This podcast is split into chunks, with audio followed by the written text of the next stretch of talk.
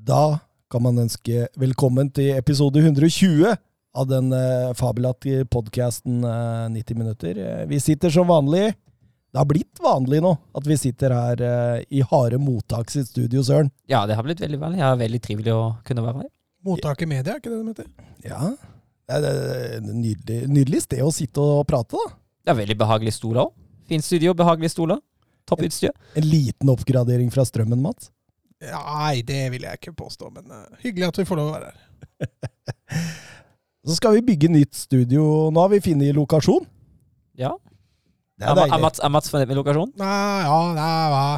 Ma- Det blir hos Mats igjen, eh, som da må ofre boden sin for at dette skal gå. Eh, men eh, jeg har krypet til korset, og så, har vi, eh, så må vi bare bruke noen helger på å pusse opp. Det var deilig å få det på tape. Kan ikke gå tilbake. Men det, det er en stor bod da, Mats. For all del. Så Jeg, vi- jeg mister mye plass. Ja, Du mister mye plass, og vi får mye plass. Ja. Det er veldig ålreit. Mm. Eh, hyggelig å høre deg, Mats. Takk. Veldig Eh, hyggelig. Vi kan godt sette et sånt skilt som, eh, som eh, disse gutta i harde mottak har utafor, da, vet du, med 90 minutter studio, eller Mats studio. Mats studio, faktisk. Ja. Studio Mats. Mm, Studio Mats. Eh, på Twitter vi har fått noen eh, spørsmål eh, som vanlig. Først ut harde mottak. eh, tidenes beste fotballsveis, spør de oss om. Ja, jeg fant godeste Mike Werner. Blant annet 111 kamper for Hansa Rostock på 90-tallet. Og nå kan jo ikke lytterne våre se det her, men jeg anbefaler alle å google Mike Werner. For denne sveisen her, den er jo legendarisk. Det er hockey hockeysveisen fra, fra helvete. eller? Ja, det kan man si. Åh, den var deilig. Den var deilig. Ja, likevel, jeg, jeg syns jo altså, For meg så er det to. Det ene er Carlos Valderama. Altså Mer hår, det skal du leite lenge etter. Eh, og nummer to, det er han med den rottehala fra Inter. Rodrigo. Rodrigo Palazzo. Ja, stemmer. Den er jo helt grusom, den rotta. Men hadde ikke Roberto Baggio en sånn ennå? Var det ikke litt mer inn da? Altså Rodrigo Palacios fløy rundt med dette på 2000 og Ja, ja, ja. Jeg veit da, Har rottehale noen gang vært inn, søren? Nei, jeg vil si at den ikke har vært det. Men altså, nå er jo jeg litt, uh, litt yngre, så hva som var inn sånn på midten av 90-tallet, det er jo vanskelig å si for meg. Nei, jeg veit ikke. Jeg vet ikke. Jeg, jeg, jeg, for meg så vil alltid eh, ikoniske fotballsveiser handle om eh, El Fenomeno. Når han i det VM-et der hadde den trekanten fremme på huet, det Den slo aldri an, den. Jeg, jeg, visste ikke om jeg skulle le eller gråte. Jeg Altså, den- tror jeg gråt en skvett. Den videoen av han ungen som ber faren sin klippe den som Cristiano Ronaldo. og så kommer han ut hvor han har klippet den som den Ronaldo du snakker om nå, og så sier faren det fins bare én Ronaldo. Ungen griner. Ungen gråter. den er bra. Ja, den videoen er hysterisk. Den er fin. Den er fin. Um, videre. Van Dahl. Eh, tar dere ikke sommerferie, eller? Bra for oss, da. Fantastisk pod, sier van Dahl. En liten sommerferie blir det. Ja. Neste uke. Ja, da er jeg, jeg er jo borte i to uker etter den her. Så Og jeg er borte i én uke. Og, Jeg er ikke borte. Nei, Så du kan jo egentlig sitte her og ta episode 121 med deg sjøl, Kunne egentlig sitte her og prata med meg sjøl. Kanskje du hadde fått med deg Trym òg, vet du. Ja, jeg kunne jo det. Kunne han prata litt Dynamo Zagreb og, og Partisan, han. Det hadde jo ikke vært sikkert han imot det. Det hadde han klart. Det tror jeg. Tror jeg skulle fylt, fylt en par timer med det. Men eh, til alle kjære lyttere der ute, det blir én uke pause eh, neste uke, og så ryker vel jeg og Mats på igjen eh, om to uker. Ja. Ja, det gjør vi. Og så tar vi det derfra. Eh, jeg må faktisk finne fram telefonen min eh, nå, fordi eh, på Twitter så spør også Nisselue på. Han skriver her, vår kjære Nisselue. Eh, hvor imponert er gutta over medias evne til å få alt til å handle om Solskjær? I tillegg vil det vel bare være en fordel om han spillere ryker ut tidlig og får med seg en full preseason også. Så har han noen bilder han har lagt med der med at eh, eh, England ødela for Solskjær. Og han har også lagt til et bilde av Pogba eh, i Frankrike-drakt når de gikk ut av EM med stygt tap for Solskjær. Ja, mener, jeg, jeg er helt enig. Jeg har faktisk uh, tenkt den samme tanken. Altså, ønsker jo uh, Wolfsburgs gutter alt mulig suksess, men jeg ble ikke lei meg at uh, alle unntatt Babo og Mimedi med Sveits var ute etter åttedelsfinalen. Nå er de tidligere tilbake og kan integreres i laget som skal bygges mye tidligere. Det er helt enig, det er helt fantastisk. Også den vinklinga til mediene. Altså, det var vel uh, først og fremst Dagbladet, hvis jeg ikke tar feil nå. Uh, den, altså, det, er jo, det er jo fryktelig. Man uh, prøver å, å, virkelig kombinere, eller lenke alt til, til Ole Gunnar Solskjær. Og det er ikke alt som kan lenkes til Solskjær. Det er jo sånn clickbait-opplegg, og det, det, er klart det er fryktelig slitsomt. Men nå er det så lett å gjennomskue det òg, da.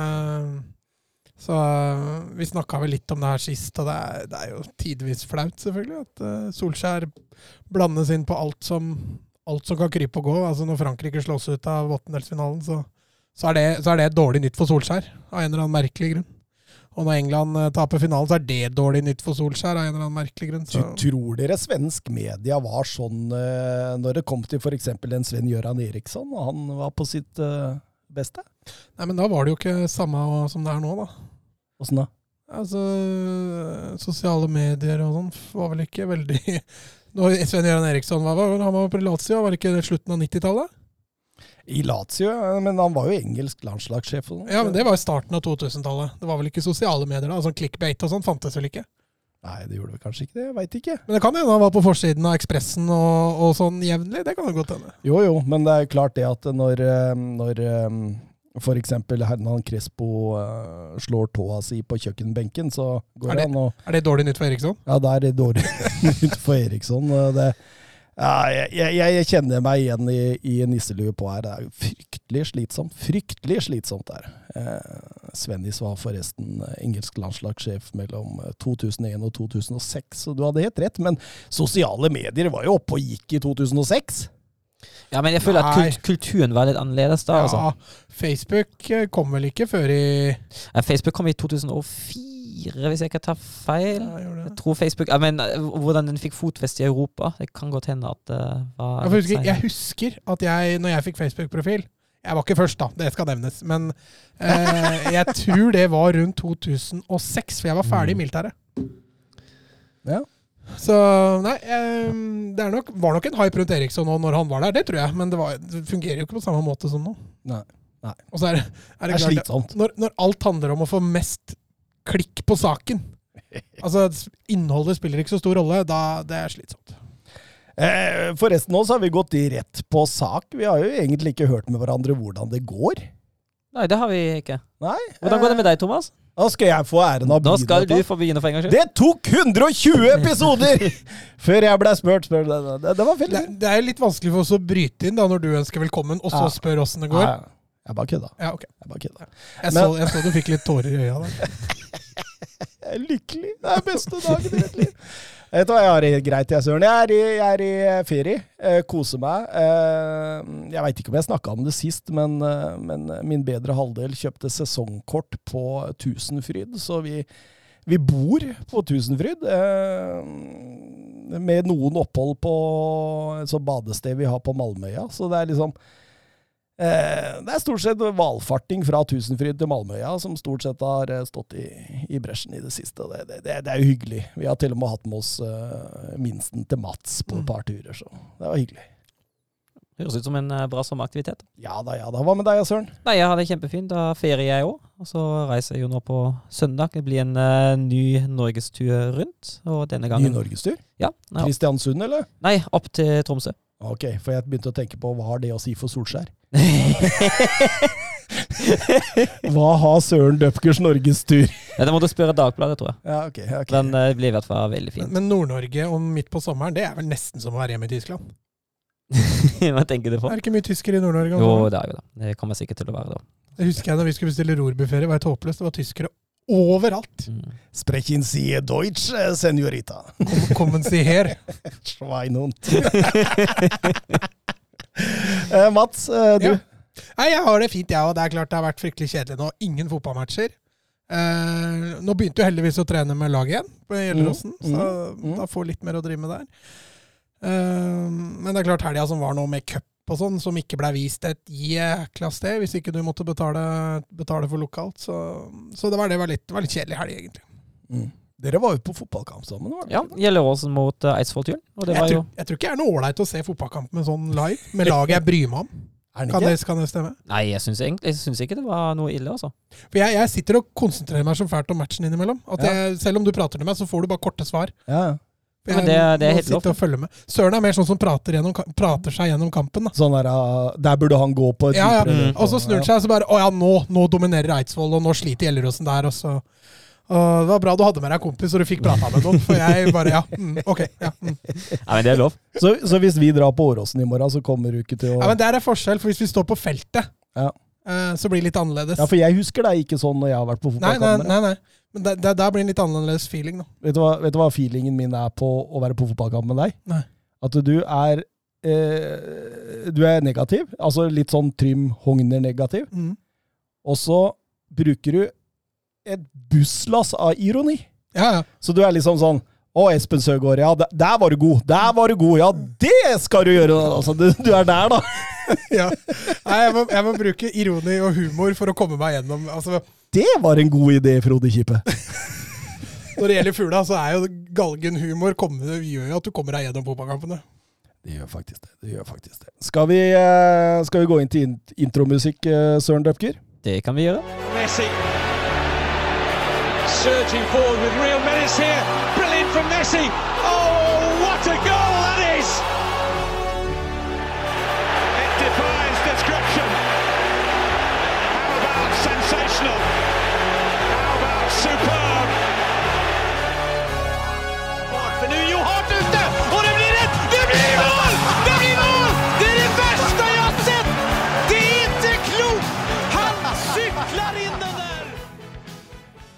Ja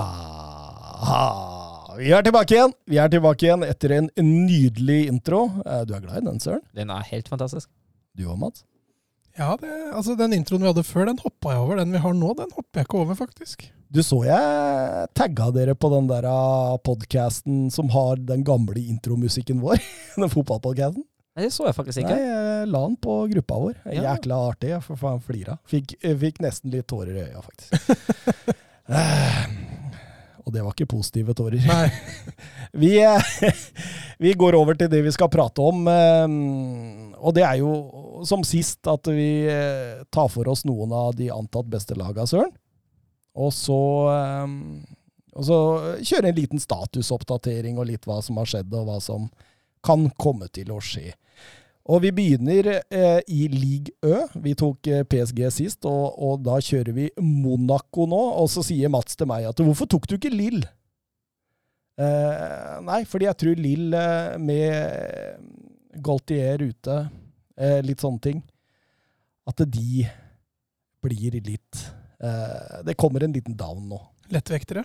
Ja, altså, altså Veldig typisk at de nå skal de inn i Champions League og greier. At de får en liten trøkk. Skal ikke Monaco det? Eller var Nei, det, de er i kvalik. eller var det Lyon som greide det? De er i kvalik. kvalik.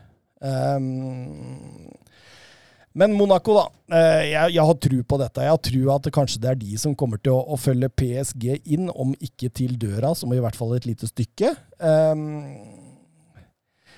med Monaco så tenker vi veldig ofte på det 2014-laget. Eh, Det laget hvor Luis Louis Campos og Jardim bygde opp. Dere husker det, eller?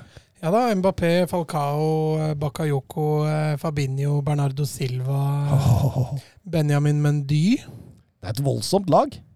Til og med Antony Martial kom jo opp eh, i den tida der. På, Glick, var ikke han der, da? Jo, kaptein. Ja. Ja, ja. Louis Campos dro i 2016, og Jardim dro i 2018. Og etter det har Tiar Ari eh, vært manager i 103 dager. Eh, Jardim tok en eh, andre periode, det var til kun en sesong. Og Robert Moreno eh, var innom, det tok også bare 203 dager. Mats Moreno, som er eh, eh, den spanske landslagssjefens beste venn, er det ikke det? Jo, han er jo tilbake igjen i Spania, nå. Ja, hvor, hvor er han her nå? Åh, Nå spør du, vanskelig. Var det, nei, det var ikke Getafe han tok over. Så han er Nei, Granada. Granada. i manesjen igjen, altså, godeste Robert Moreno. Ja, han er i Granada nå. Ja, Um så, så det, det måtte jo begynne å, å, å tenke litt nytt, da, og da var eh, Kovac kom inn, eh, Søren. Ja, Niko Kovac han uh, mislyktes jo litt i Bayern uh, i, hvert fall i sesong to. Og så fikk han sparken og fant seg en uh, ny jobb i fyrstedommet. Ja. Og der tok han med seg også Paul Mitchell som sportsdirektør, altså denne direktøren som eh, eh, lova gode ord fra tiden i, i Southampton og Tottenham, men også i Red Bull-systemet. Vært innom Leipzig og, og litt sånn forskjellig. Eh, blant annet han som scouta og fant Dale Alley, eh, for å trekke en liten eh, digresjon der. Men eh, det blei tredjeplass. Eh, hang lenge med i gullstriden forrige sesong på, med Monaco. Eh, mye positivt å ta med seg fra sesongen. Eh, laget tapte knapt nok en fotballkamp etter jul, og, og slo bl.a. PSG to ganger i, i ligaen. Eh, Kovac han varierte mye taktisk, alt fra 3-4-3 til 4-2-2. Eh, var til og med innom eh, eh, 4-2-3-1 et par ganger. og er veldig opptatt av å spille bredt i banen. da Han ønsker eh, bredde, og eh, han ønsker å, å åpne opp rom og, og stupe i de med midtbanespillere. Jeg syns han fikk til det ganske bra utover. Altså, ikke minst da, så fikk en låst av i forsvaret som gjorde at den var veldig vanskelig å score på. De slapp vel bare inn i én av de siste fem kampene. Det var kampen mot Lyon, hvor de røyk litt, var det ikke det? Eh, Så, så jeg, jeg- syns det ser bra ut, eh, det de driver og bygger nå. De har henta Ismail Jacobs fra Köln. Han kjenner vel du kanskje til? Så? Ja, en uh, 21 år gammel uh, venstre ving slash back. Uh, best som ving, tror jeg man kan spille kant òg. Har egentlig alt som trengs på den posisjonen. Trenger å bli litt mer effektiv uh, foran mål. Har vel bare tre mål og fire assist på over 40 kamper i Bundesliga, så Jobber litt med, med det der. Tre mål og tre assist på 43 kamper. Uh, jobber litt med det der, uh, så tror jeg det blir bra. Men han er jo ung og lovende og har absolutt potensial til til å bli en uh, god forsterkning for Monaco. Mm. Mm. Eh, Alexander Nybel er henta inn på to års lån, Mats. Ja, det kunne jo vi sagt for et par sesonger siden, faktisk, når han gikk til Bayern, at det, det kommer til å måtte skje så lenge Noyer er i Bayern. Ehm, nå er jo Monaco relativt godt stilt på, på keeperplassen, men uh, blir ikke overraska om Nybøl går rett inn der, altså. Går nok rett inn og herjer.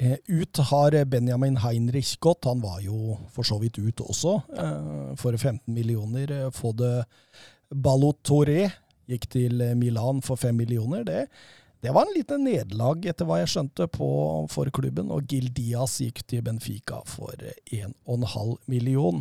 Det, det spekuleres i at de skal hente Alexander Lacassette. Arsenal har gjort han uh, tilgjengelig. Uh, Jovetic forsvant jo, da. Han ble Jovetic, klar, ble klar nå i Ble klar nå i dag, ja. Stemmer, stemmer. Eh, hva tenker du om Lacassette eh, til Monaco, Mats? Altså Offensivt det er jo der jeg syns Monaco ser sterkest ut. Det er der de har størst bredde. Altså Vann, eh, nei, jeg. Ben Jedder, eh, Forlan. Pellegrio er jo en veldig spennende, spennende spiss som, som det skal bli spennende å følge. Krepin Diatta, som vi kanskje kjenner igjen fra, fra Tippeligaen. Eh, Gelson Martins, som kom fra et svært mislykka opphold i, i um, Atletico Madrid, og William Gubbels, som også er den spennende. Så offensivt så syns jeg Monaco allerede er ganske sterke. Mm. Så en Lacassette inn der Vet ikke, forsterker det noe voldsomt? Jeg veit ikke. altså det, det som er greia, at den blir stort sett bare linka til offensive spillere. Myron Baudou, eh, Pastore i Roma har de, eh, har de sikla litt på. Det, men det, det kan jo være fordi han på en måte fant en defensiv eh, trygghet mot slutten, Søren. Ja, det kan jo ha mye å si at han var veldig fornøyd med det han har sett av laget sist, som du har vært inne på. Og at han eh, mener at det ikke er noe stort. Men jeg må jo si at jeg er egentlig enig med Mats. eh, at eh, offensivt ser det sånn rent eh, kvalitetsmessig egentlig veldig bra ut. Og jeg hadde kanskje sikta på å styrke det forsvaret litt, og skape litt bredde i stand. Ja. Eh, vi kan jo ta Forsvaret. På høyrebekken der så har de Ruben Aguilar. Eh, for så vidt vært solid, han. I en fransk landskamp og er brukbar. De har CDB som eh, en mulig eh, erstatter til han. Han spiller også ofte til høyre i treeren. Vært vellykka opphold i Everton. ja, nå var du ironisk igjen, mann. Ja, jeg var det. Ja. Kommer kanskje ikke like godt gjennom mikrofonen. Og så har de en Biancone, en 21 år gammel uh, høyrebekk som var på utlån til Serkel Brygge forrige sesong. Serkel Brygge som er jo en samarbeidsklubb for Monaco. De sender jo en sånn fem, seks, sju unggutter til, uh, til Belgia hver eneste sesong.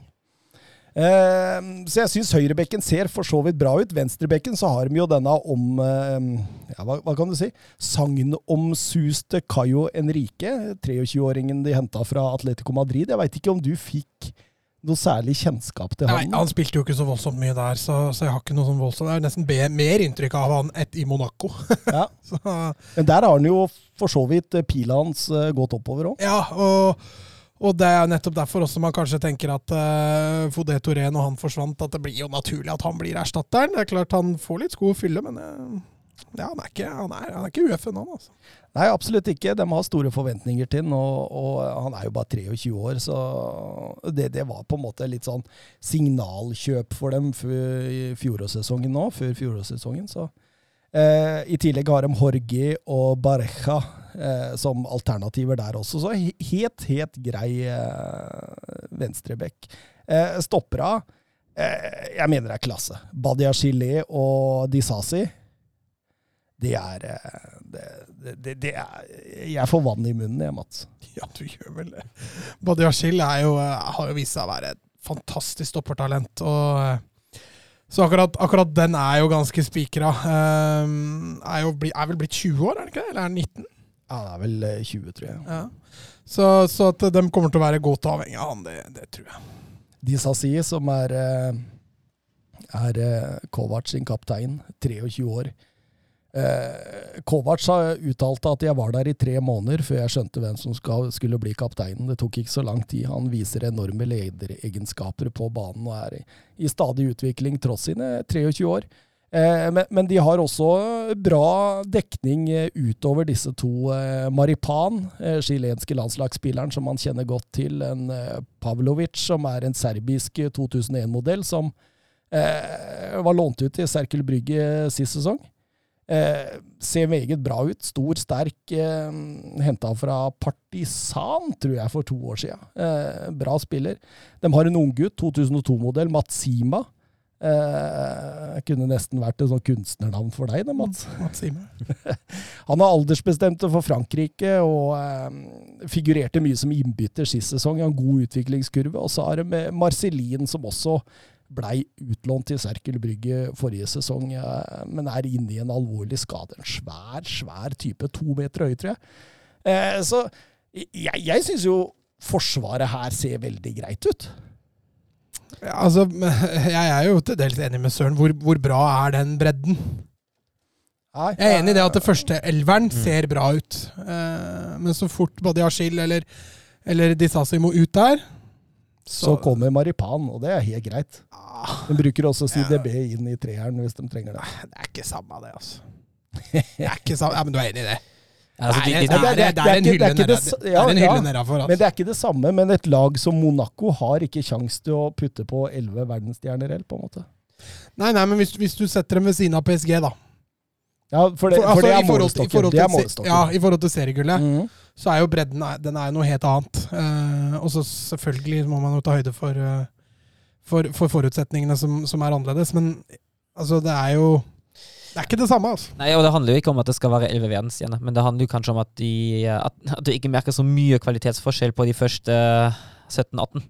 Mm. Nei, men, men altså, helt seriøst. Uh, hvis de spiller med en treer bak, da, så har de en La oss si en CDB, Badiashil og Disasi, som de ofte kjørte. Eh, Maripan og Pavlovic er jo greie backups. Ja, for så vidt. Absolutt. Og jeg syns Bekka også, med Aguilar og Henrike, er eh, bra. Eller kanskje litt verre på den backplassen, jeg er enig i, i forhold til midtstoppere. Men vi kan jo gå litt videre i laget. Vi har jo flust av høyrekanter. Gelson Martin, som du var inne på, Krepin Diata, er jo begge to brukbare høyrekanter. Har en uh, Musaba, en 2000-modell uh, også der, som også var på utlån til Serke Brygge forrige sesong. Eh, venstrekanten så har de jo fått denne nevnte Ismail Jacobs, eh, Gubbels, som du var litt inne på, Mats. som... Eh, han blei vel den femte yngste league Ø-spilleren gjennom tidene når han eh, debuterte mot eh, Lyon som 16 år og én måned gammel. Eh, det gikk litt gjetord om han der. Mm. Det var litt sånn oi. Eh, blei henta mm, vel til Monaco for over 20 millioner euro, tror jeg, som 18-åring. Eh, ikke helt klart å, å fylle opp til forventningene enda. Blir straks 20. Mye innhopp forrige sesong, men, men, men en spennende type. De har også Keita Balde Diao i, i, i, troppen.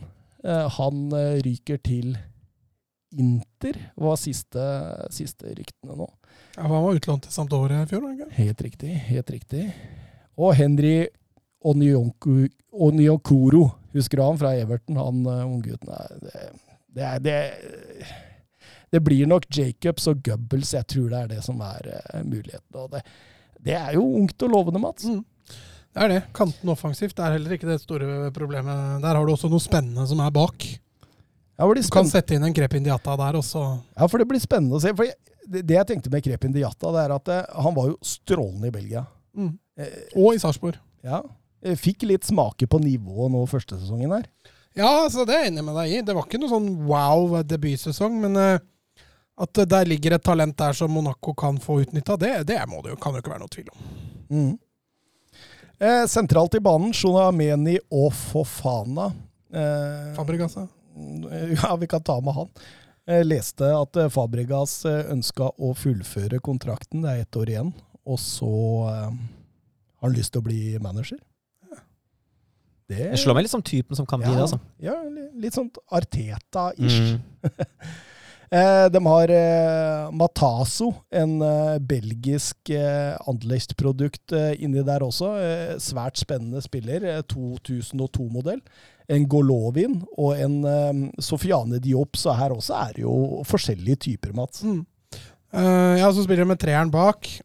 Så har de jo muligheten til å spille med to sentrale. Mm. Og Shuameni ja, han skiller seg vel kanskje litt ut. Uh, ja, og Fofana, egentlig. Ja, og så offensivt Golovin. Spiller med de to. Mm. Men uh, da har de jo ikke plass til en Golovin, da. Nei, da ofte blir han trukket litt ut venstre, som regel, har jeg sett. Men uh, det, det, kommer litt an på hvordan uh, Niko Kovac velger å stille. Angrepsrekka består av Benjedder, Forlan og Pelegri. En Pelegri som Han har allerede en italiensk landskamp, 2001-modell. Um, blei henta fra Genoa for 21 millioner euro. og Det har ikke helt fått det til. Skader og, og, og, og Det har ikke vært så lett for han.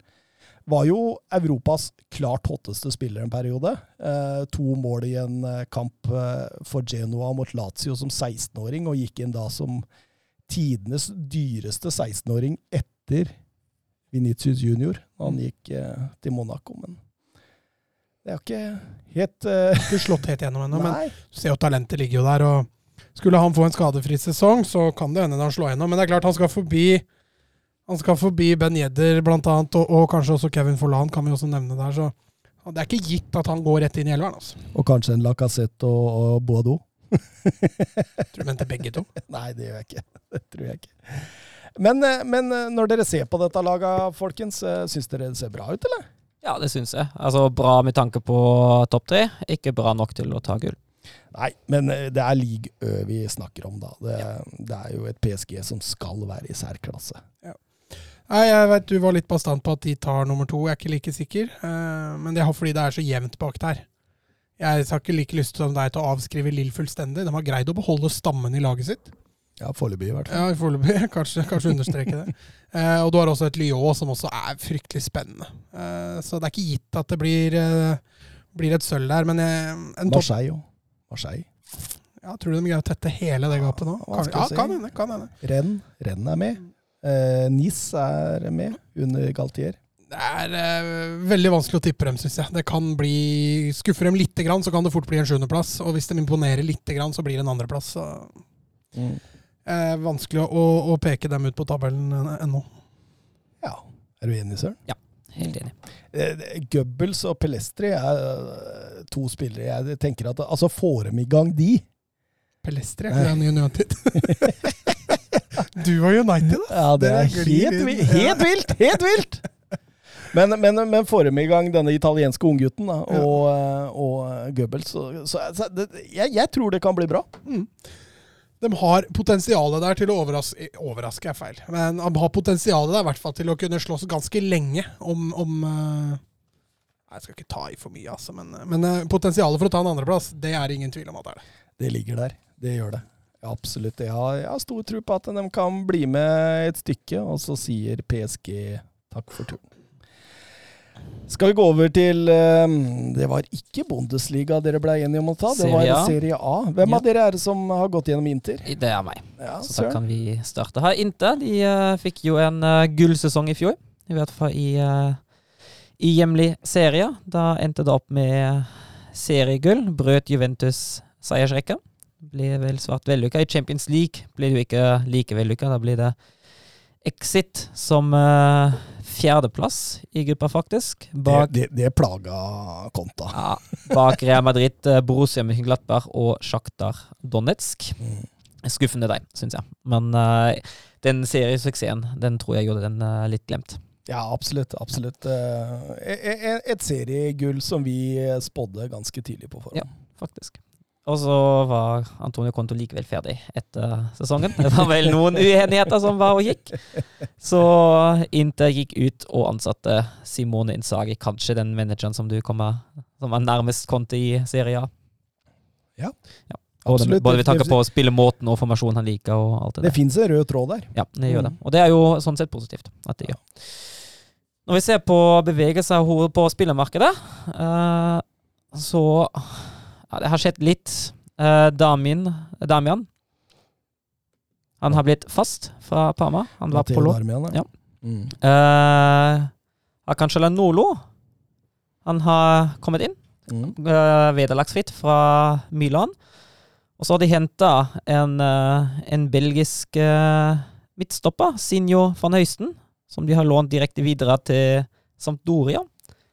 21 år gammel, kommer fra Liège, og så har det vært en haug med lånereturer. Som, Som vanlig. inn, som, har, Som som vanlig, som jeg ikke skal Som jeg ikke skal ramse opp nå, for jeg sitter vi har fortsatt i morgen. Uh, så har av de som spilte i, uh, i Inter forrige sesong, uh, de to viktige som har takka for seg nå, det er Hakimi, som har gitt dem 60 millioner euro. Og Ashley Young, som har gått vederlagsfritt til oh. Esten Villa. Eh, ellers kan vi jo nevne at eh, Politano, som var utlånt til Napoli, han ble fast og har gitt eh, et fint beløp i klubbkassa på 19 millioner. Og Kandreva har også blitt eh, fast til um, til Sampdoria. Se at van Høysten han ble lånt til Gino, ikke Sampdoria. Genoa. Ja. Men, men, men det betyr at de 80 millionene egentlig er inne? Ja, egentlig ja. Skal jo, skal jo være det hvis man ikke har planlagt de Politano-millionene tidligere, da. Det Ja. kan jo få tenkes at man har gjort. Fordi uh, det, hvis man ser på ryktene, kan det se litt sånn ut, da. Det, det, er, det er ikke strålende fotballspillere der, eller? Altså, Fotballspillene er ikke sånn, ikke sånn kjempeille, men eh, det stopper jo gjerne opp pga. økonomien. Ja, Uh, hvis vi ser på utsida først, uh, først En av de spillerne som de vil kvitte seg med, er retur, lånereturen Valentino Lazaro. Han har jo vært i uh, Bundesliga i Mönchenglattberg, uh, og så har det vært litt sånn Ja. Litt sånn forskjellige rykter. Benfica, Frankfurt har vel sagt at de ikke er interesserte. Lazio skal ryktes å være interessert, men det er ikke, det er ikke noe veldig konkret. Men uh, Inter har vel ikke noe imot at han forsvinner for godt. Uh, lag, klubben vil vel for- forlenge med Barella. Han har kontrakt fram til 2024, men eh, ønsker fortsatt å forlenge. Men samtidig ryktes det også at hvis det kommer et lag som betaler en god nok pris, så sier man ikke nei takk til et salg da heller.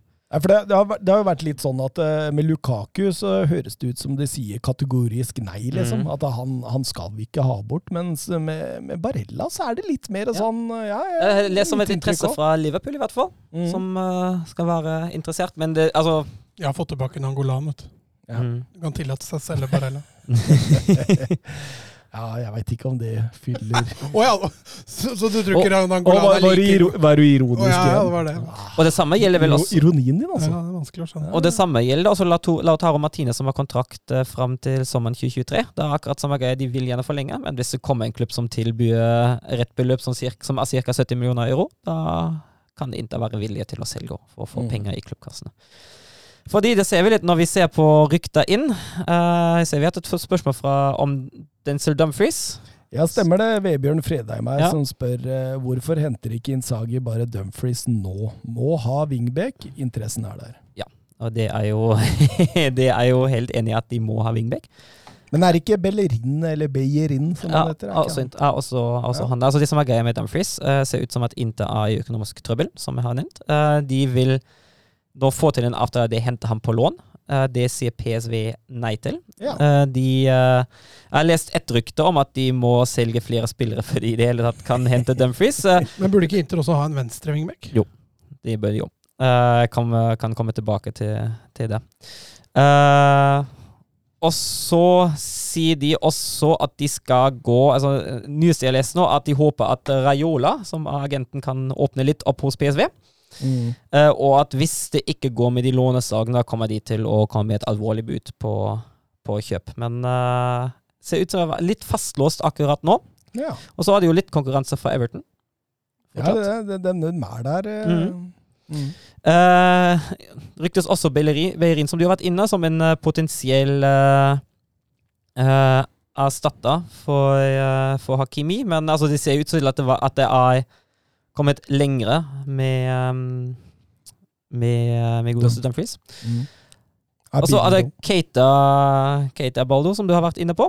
Han, eh, skal, han, han skal ha sagt at han vil til Inter. Han har blitt trent av uh, Innsage tidligere, men med tanke på de pengene som, uh, som Inter ikke har, kan det jo være spennende å se. Den tredje spilleren de, de skal være ganske tett lenka til nå, det er Nahita Nandes fra Cagliari. Det er en sentral midtbanespiller, 25 år. Eh, og da ønsker de også å ta en eh, ta et lån med opsjon, og da ønsker de samtidig å flytte Nainggolan den, eh, den andre veien. Akkurat nå ser Cagliari ut til å ville ha fem millioner euro i lånegebyr, og det skal være for mye for Inter som det er nå, så da driver de og forhandler. Rett før vi gikk inn i studio nå, så kom det inn en melding på, fra The Telegraph. en Ganske, mm, ganske troverdige Mm. avisa, engelske avisa, sier at Arsenal jakter Lautaro Martinez. Ja, spennende. Det kan jo kan, kan som sagt, hvis de betaler rett, da tror jeg ikke Inter sier nødvendigvis nei til salg. Um, vi kan jo gå litt uh, Gå ikke detaljert inn i alle spillere nå, uh, men jeg er helt enig i at de store svakhetene i troppen av de to vingbekkene uh, Inters tropp som den ser ut nå, ut ifra det jeg ser på kant og bekk, de må egentlig spille en 5-3-2. Jeg ser egentlig ikke noe annet som, som kan fungere med den troppen. Det er den, den ene virkelig rene kantspilleren, det som jeg ser, det er Ivan Perisic. Ja. Uh, altså, Kanskje kan du regne Alexis Sanchez som en kantspiller der òg, men eh, det, er ikke, det er ikke så mye sånn virkelig rene kanttyper som man egentlig ser. Eh, og så har de jo ja, mista en wingback i, uh, i Young. Perisic kan jo ta den rollen mot offensiv dårligere lag, for all del. Ellers, ellers er det jo Di Marco og Kolarov der. På den andre siden har du da Damian Dambrosio og Vagian- Vagianidis. Det er ikke bra, altså. det er ikke bra. Det er ikke bra nok. Da må det inn noe. Uh, og så syns jeg også at toppen på midtstopperplassen, Miskrinja, Bastoni, Bastori og De Frey, den er bra. Mm. Og så, Ja, ja. og så har du én stopper til, med Ramocha.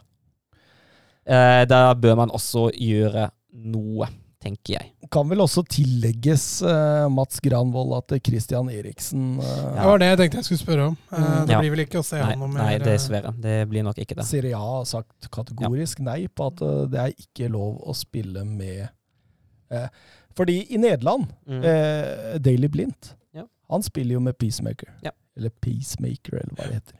Eh, så det kan godt hende det kan bli en overgang, da, hvis Christian Eriksen har lyst til å fortsette. Det har gått problematisk Det er problemfritt Mm. for, eh, for eh, Blindt. Men altså, det skal jo sies at altså, sentralt på midtbanen det er jo kanskje den posisjonen der, der Inter har færrest problemer. Og Shalanolo Mm. har jo kommet rett inn og kan jo gå rett inn i den, uh, den Eriksen-rollen nå. Helt klart. Helt klart. Og altså, både den sentrale midtbanen og spiss syns jeg ser bra ut. Uh, kan jo vurdere litt om uh, godeste Sami Handanovic fortsatt er en god nok keeper på dette nivået der. Uh, jeg mener at han egentlig ikke er det. Men jeg tror neppe Inter gjør noe med den keeperplassen. Han fylte 37 for uh, et par Ja, vi, vi, vi så jo, Han har jo falt ganske kraftig i løpet av de siste to åra. Men Amara Adu, da, som Ja. en, eh, og, og, og han ser ganske bra ut av det man har eh, sett han i Serie A tidligere, syns jeg. Han har eh, gjort det bra på lån uh, opptil flere steder, Mats. Mm. Stemmer. Men om han er god nok for det laget der, det får, jo, får, man jo se. Nei, men, men, men nå er det jo litt sånn at eh, Altså, dette Interlaget, det må, vi, vi må trekke det litt ned Ja, igjen. jeg er helt enig. sant? Det er, det, er, det er en del hull i toppen som jeg, jeg tror ikke de får fikse alle de hullene der. Nei, Og så er innsaget er ikke Conte heller. Nei, det er, stemmer det òg. Altså, det er Conte 0,5, er ikke det vi ble enige om å kalle det? Så ja, altså Jeg ser jo at det er en del kvaliteter, særlig den sentrale linja. Den den er jo ganske bra nå, så, så fremt alle er friske. Mm. Men Mm. Uh, det kantposisjoner, eller generelt, altså ving, kant, back, det bekymrer. Og til tider også bredden sentralt. Bredden i laget. Ja. Men det var en Lukaku, da. Ja. Lukaku og Martinez og Alexis Sanchez Og er Sanchez, ja. Han er bra, han. ja, Altså. Skulle få i gang han på 100 da. Mm. Man passer jo egentlig ikke inn i den formasjonen. Han gjør ikke det. Han gjør ikke det. Det er litt sånn som Christian Eriksen. Passer jo egentlig ikke inn i den formasjonen. Men um, Ja, topp fire. Det, ja, topp fire, altså, topp fire tror jeg det laget klarer. Men jeg tror ikke det blir gull. Det tror jeg det går til Juventus. Nei, det, det, det gjør ikke. Uh, men uh, det blir en hard kamp der, altså. Det blir det. Jeg, jeg, jeg, jeg kan ikke se at de skal cruise inn til en topp fire, altså. Nei, Det er flere om beinet der. Spørsmålet er da hvor langt de faller nå, Milan, med Pioli sin vanskelige tredje sesong. Eh, vi er vel enige om at Juventus nå mest sannsynlig tar dette, så det blir spennende å se Atalanta. Eh, hvis de er som vanlig, så blir dette vanskelig. Og så er det jo da Altså, José Mourinho og Roma. da. altså tror jeg veldig mye Sarri. Sarriball. Og så tror jeg veldig mye avhenger nå av resten av overgangsvinduet for Inter. Klarer de å få inn det de vil? Må de selge flere? Kommer det flere gode tilbud som de nesten ikke kan takke, nei til pga. den økonomiske situasjonen? Det er liksom det som, som også er en usikkerhetsfaktor her. Det var akkurat dette Conte så, vet du. Og det er Mm. det som var grunnen til at han sa nei i Tottenham òg. Fordi eh, Conte er jo en trener som skal ha Han skal ha mye penger. Han skal kunne sende, eh, sette sammen et lag av sine spillere. Og hvis han ikke får det, så, så tar han ikke den utfordringa. Ja, men han var ikke så lenge i Chelsea. Nei, men han fikk jo som han ville der, da. Så det Nei. Eh, jeg, jeg tør faktisk å driste meg til å si at det fort kan bli eh, utenfor topp fire, altså. Jeg tror det blir topp fire. Hvem tar de tre plassene bak Juventus, da? Eh, Atalanta? Atalanta gjør det. Roma? Roma gjøre. Napoli, Lazio eller Milan? Ja, en av de. Og så Inter er på åttende! Nei, men en, en, en av de. også. Og så tenker jeg at Inter kan fort bli fem-seks. Jeg tror det. du sitter og tenker nå. Jeg tror, jeg, vi kommer, vi kommer ikke- tilbake på Roma også, ja. men uh, Atalanta kan jeg se ja, det eh, at de gjør det bra.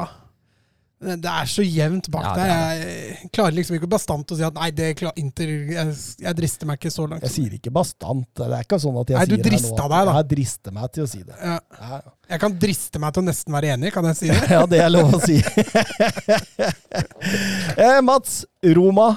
Ja, jeg fikk jo da æren av å gå litt grann gjennom uh, José Mourinho, da, sin oppstandelse, Døpker. oi, oi, oi. Dette er starten på nye Mourinho. det, det Ny æra, Døfker. Nye æraen. To år nå fram, så vil alle de store klubbene ha Mourinho igjen. kan jeg driste meg til den påstanden, Søren? Vær så god. Det er rett og slett en deilig Vi kan, påstand. eh, vi kan vedde en øl at det ikke skjer. Vet du hva, vi kan godt uh, Nei, jeg vil ikke. Nei.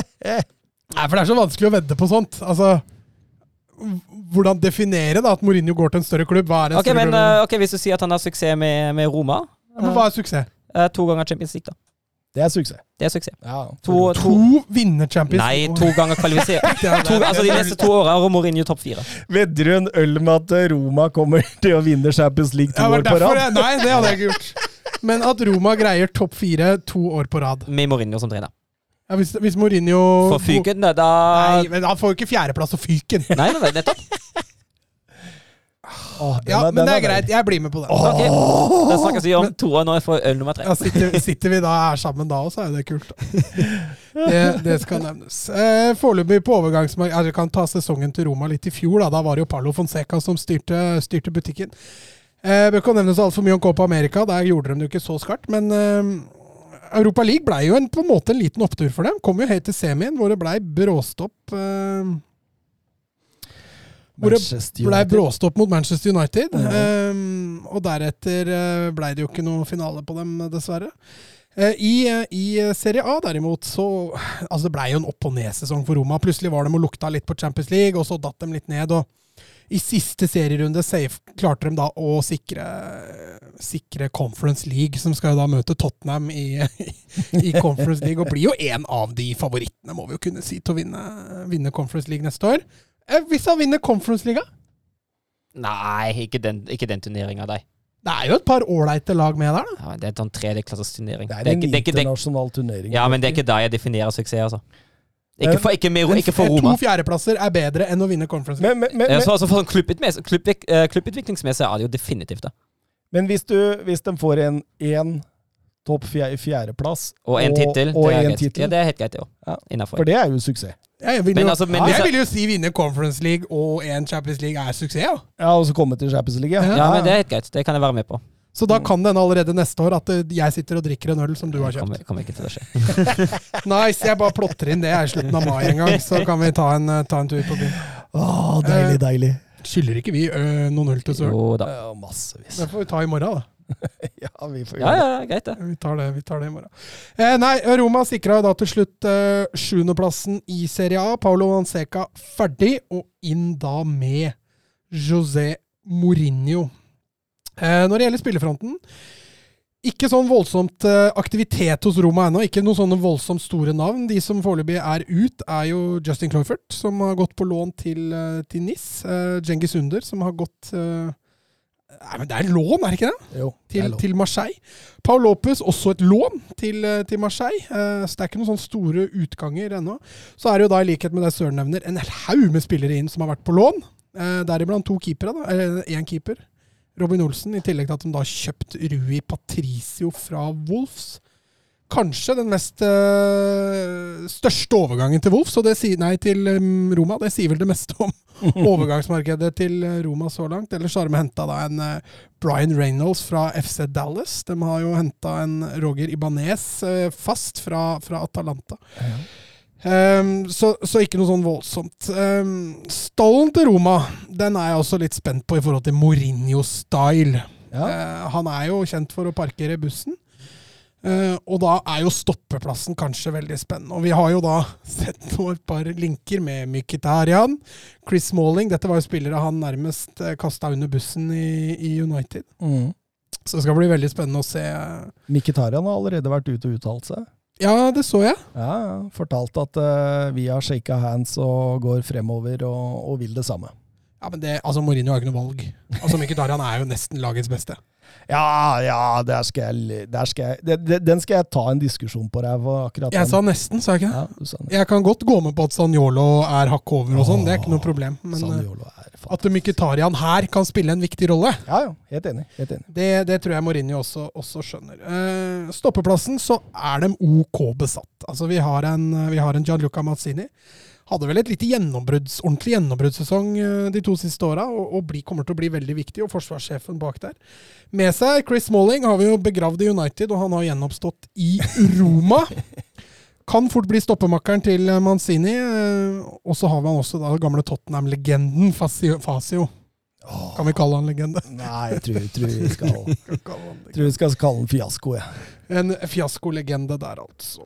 Eh, på bekkene her er det litt tynnere på venstrebekken, og det er jo mye av ryktene til Roma går på venstrebekk. Vi kan ta det litt seinere. Men Spinazzola, soleklare førstevalget på venstrebekk, han er skada og ute i en lengre periode.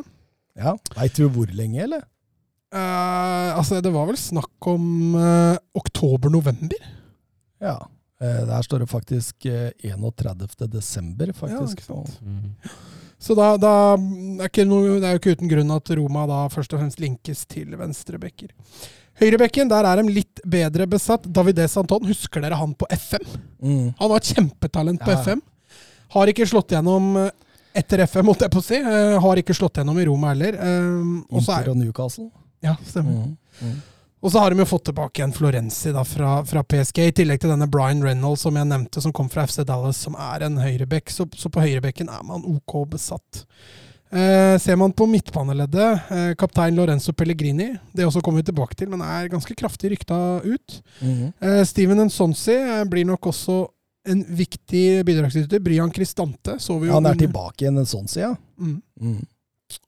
Eh, og Kristante, da som vi så under, eh, under EM nå, var jo, hadde jo noen imponerende innhopp for Italia. Så har du Viar. Utvilsomt. Gonzalo Viar. Eh, skal ikke ta glemme han. Og så har også Fertot. Mm.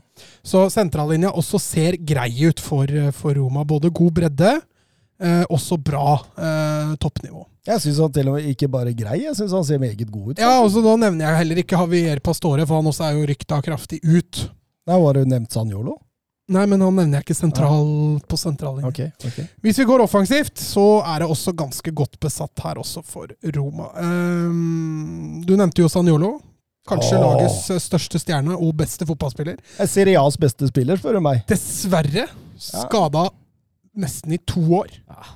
Så vi får håpe han finner igjen til toppnivået sitt og kan utvikle seg videre, for han er jo eh, fortsatt bare unggutten. Røyk han ikke korsbånd i hver sitt kne? Jo, han har tatt i begge. Født i 99, fortsatt bare 22 år. Og han var jo da en del av en byttehandel med Inter eh, for tre år siden. Og slo gjennom med brask og bram, og det tror jeg Inter ikke så komme i det hele tatt. Altså. Er det Nainggolan-bytte? Ja. Og den eh, Saniolo-dealen der, den tror jeg Milan fortsatt gnir, nei, Roma fortsatt gnir seg henover over. For den eh, Hvis Sanjolo får orden på, på korsbåndet sitt, så, så kan han bli uh, Altså, altså, dette er en gutt som leker fotball på sitt beste. Altså, jeg mener at oppriktig eh, at dette er Serie A's beste spiller i form. mm. Og så er han jo veldig altså Han er en entertainer, han, han kan vinne kamper for deg. Han, Ja, ja. han er eh, også ganske toveis. ja, Han er helt fantastisk. Og så har vi jo selvfølgelig Henrik Mkhitaryan, som vi pratet om. Eh, kanskje litt mer tier-type, men, men kan også figurere, figurere på kant. Eh, det blir spennende å se åssen formasjon Mourinho velger å gå for. At det kommer til å være litt vingling fra Mourinho etter motstander, det, det skal vi ikke være overraska over. Men, men at han oftest bruker 4-2-3-1, som han ofte har gjort, det, det tror jeg. Og Mkhitaryan eller Sanjolo i den tierrollen eh, lukter det vel. Og tenk Sanjolo i den, nei, den rollen, og så Mkhitaryan ut venstre. Det Det hadde morsomt, også, det. også gått an. Ja. De har også et par decent kanter her. altså Vi kan jo nevne kultspilleren Stefan El Sharawi. Oh. Eh, han har, føler jeg har hørt om i, ja. i 40 år, nesten.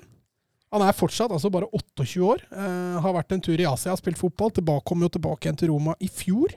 Mm. Eh, så får vi se om han greier å etablere seg igjen. Eh, Carles Perez, som er tidligere Barca. Pedro, som er tidligere Barca, bør også kanskje nevnes her. Eh, spissen så er det jo da selvfølgelig Edin Dzeko, som er både Wolfsburg-helt og kan vi kalle det snart en Roma-legende også. Mm. Borja Mario Majoral, som var leid inn, forsvant, og så ble leid inn på nytt igjen.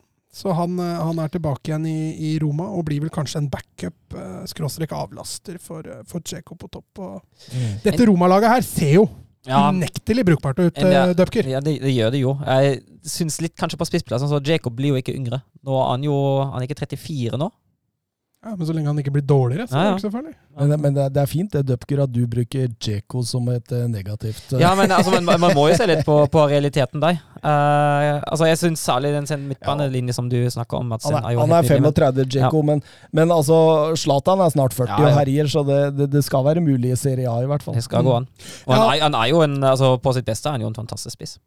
Ja, og som jeg nevnte, sentrallinja til Roma, den, den er faktisk ganske bra. Eh, Pellegrini, kapteinen eh, på midten der, eh, sammen med Zaniolo, Mykitarian, eh, Ferretot, eh, Villar, som Thomas snakket om. Altså, det lukter, det lukter krutt, og det, det, som jeg sa i stad, det Roma virkelig trenger, er en venstrebekk, altså. Jeg skal ikke forundre meg fem øre engang om Djeko skårer eh, 15-20 under Mourinho. Det er typisk Mourinho-spiss. Enig, han mangler kanskje litt tempo da, i forhold til å jage bakrom. Ja, Det er stort sett det eneste han mangler. Også. Ja, det kan godt hende. Og så er det jo da denne venstrebekken, som jeg sier. Får de på plass en eh, solid venstrebekk her som kan, eh, kan eh, erstatte Spinazzola enn så lenge, så, så kan de også gå og sikte seg mot en bra start. Og Vi kan jo gå litt på, på ryktene. Rykter ut, så er det jo nå Lorenzo Pellegrini til Liverpool. Mhm. Som virker, virker Jeg skal ikke si det er nære, men, men, men den er i hvert fall ganske het og sett igjen ganske ofte. Og inn så er det jo venstrevekker. Du har uh, Alex Teyes uh, fra United. Uh, den har vel også både blitt, uh, blitt bekrefta og avkrefta om hverandre. Mm. Det virker jo som han ikke kommer, men eh, skal ikke avskrive det helt. Det var vel en eh, Det var vel han Uruguay Uruguay Uruguay? Uruguaysk. Mathias Vinja Ja. mm, eh, fra Palmeiras, som også er, eh, er linka inn til Roma som venstreback. Godt søren kan hjelpe til. Uruguayaner. Kunne hjelpe deg, ja. Ja, du kunne det. Du tok ikke sjansen? Nei, jeg venta til Søren eh, Når vi, vi kom gående her i stad og ikke visste hva et norsk ord betyr, så går vi til Søren, og så får vi svar. Tyskeren. Tyskeren. Det er helt nydelig. Er helt nydelig. Nei, eh, for min del så så har jeg akkurat gått inn i et veddemål, så jeg må jo bare stå ved det. Så jeg holder Roma inn eh, topp fire. Å, det er deilig, og jeg liker den satsinga, så jeg sier det akkurat det samme. Topp fire. Jeg tror det blir fjerdeplass på Roma. Langt utafor. og da kommer vi til eh, sakens kjerne. For Vebjørn Fredheim han eh, skriver følgende på Twitter. Alle som går fra Premier League til Serie A, lykkes. Ja, til og med Ashley Young. Hvorfor tror ikke søren at Mourinho lykkes? Gå dypere inn i temaet, og kjør debatt. Jeg har, jeg har prøvd å ordne mine tanker, mine tanker rundt det her. Vi har ikke jeg, Thomas. Vi kommer til å skyte fra Ja, men det, det er lov. Det er helt lov. Um, men altså, det, det jeg tenker altså, man, Hvis man ser på hva Mourinho hva, hva, hva som gjorde Mourinho så suksessrikt, særlig på 2000- til tisen- til tidlig 2010-tallet, det var jo at han var en foregangsperson. Han var en foregangsperson på flere felter. Han var en foregangsperson på trening. Han var jo en av de første som faktisk bare brukte ball. Han brukte jo, Til og med i kondisjonsøvelser brukte han ball for å sette spillerne sine inn i spillsituasjoner hele veien. Han var en foregangsperson når det kom til taktikk. Det var vel en av de aller aller første som snakket direkte om overgangsspill, som var jo egentlig ikke et ord på starten av 2000-tallet, men uh, Mourinho skapte overgangsspill, eller satset på overgangsspill kjempetidlig. Mm. Uh, og det, er en ny person, altså det var en foregangsperson også når det gjaldt uh, lagledelse.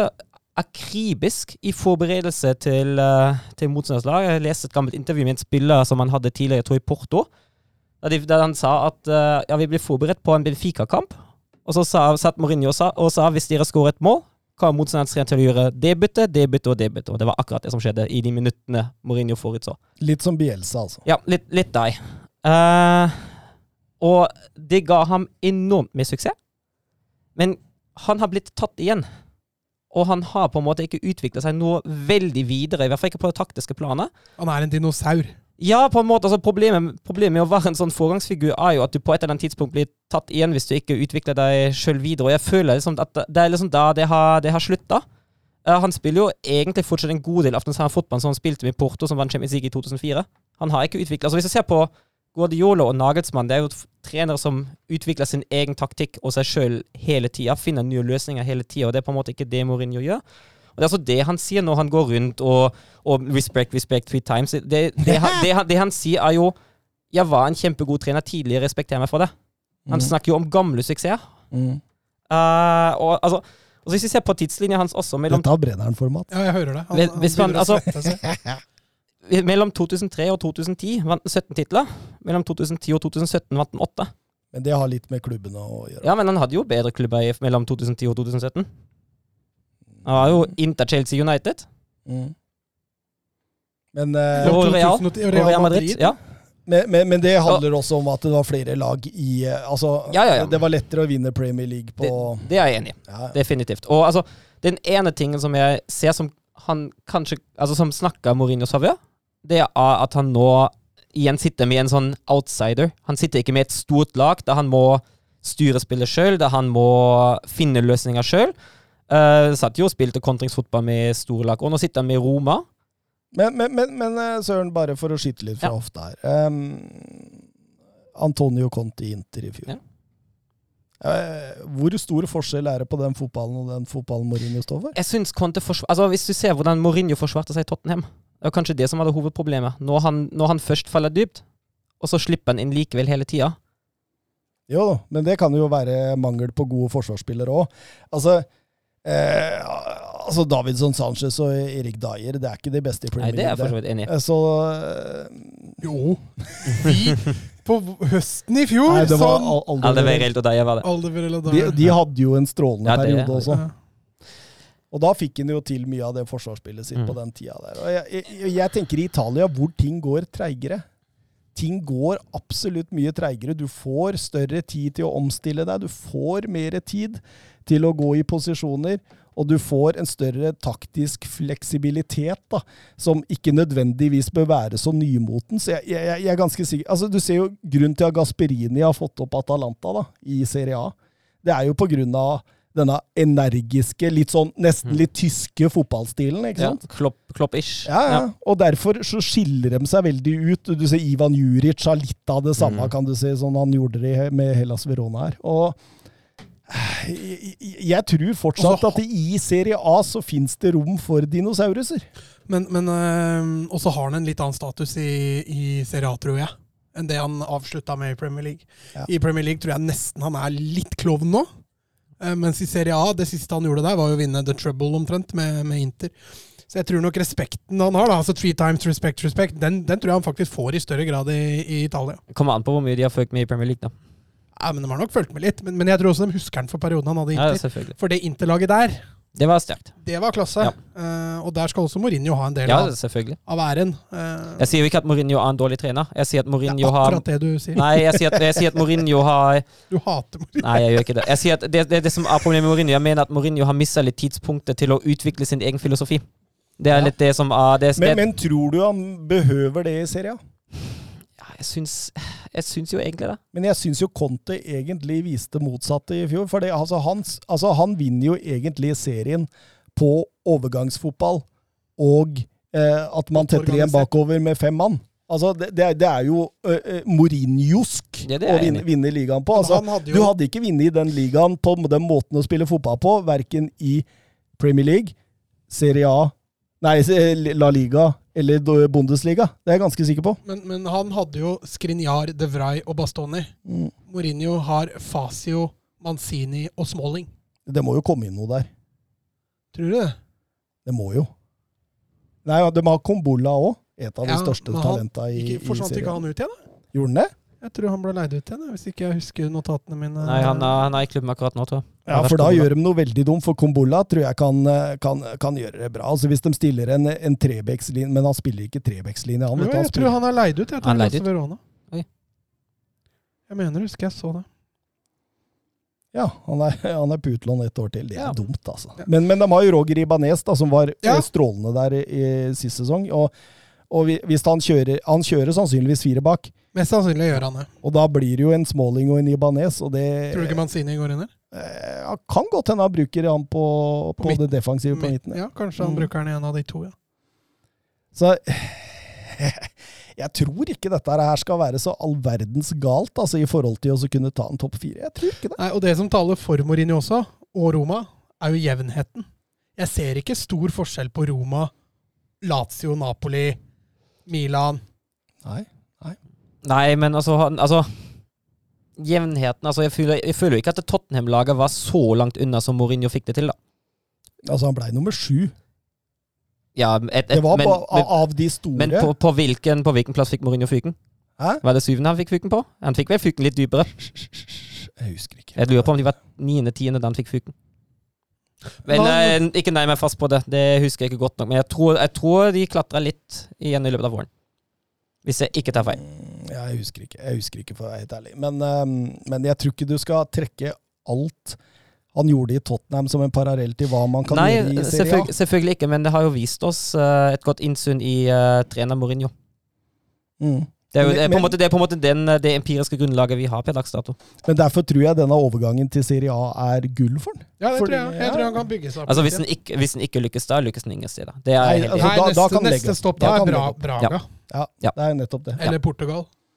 Drar nok til Portugal. Men eh, jeg har ikke Altså, Altså, lands, lands, ja, men landslaget, tenkte jeg. altså det, kan, det kan hende at jeg bommer grovt, det kan hende at dere får helt rett, og han får en revolusjon. Eh, nei, en renessanse, sier man vel. En renessanse. En renessanse i, i Italia. Men uh, jeg, jeg har ikke helt troa på det. Nei, men det er lov. Vi Vi, vi møtes her om to år. Ja, det er greit. Eller, eller Edvardsen vinner nå. Ja, Tenk- kanskje vi sitter her allerede om et Ja. Hvis, eh, du, skal, du kan også vinne hvis du hvis den, altså, hvis den vinner to titler. er Det også helt greit. Hvis den vinner cupen og Conference League, er det også godkjent også. Ja. Da vil jeg definere det som suksess òg. Jeg heier på Mourinho, jeg, altså.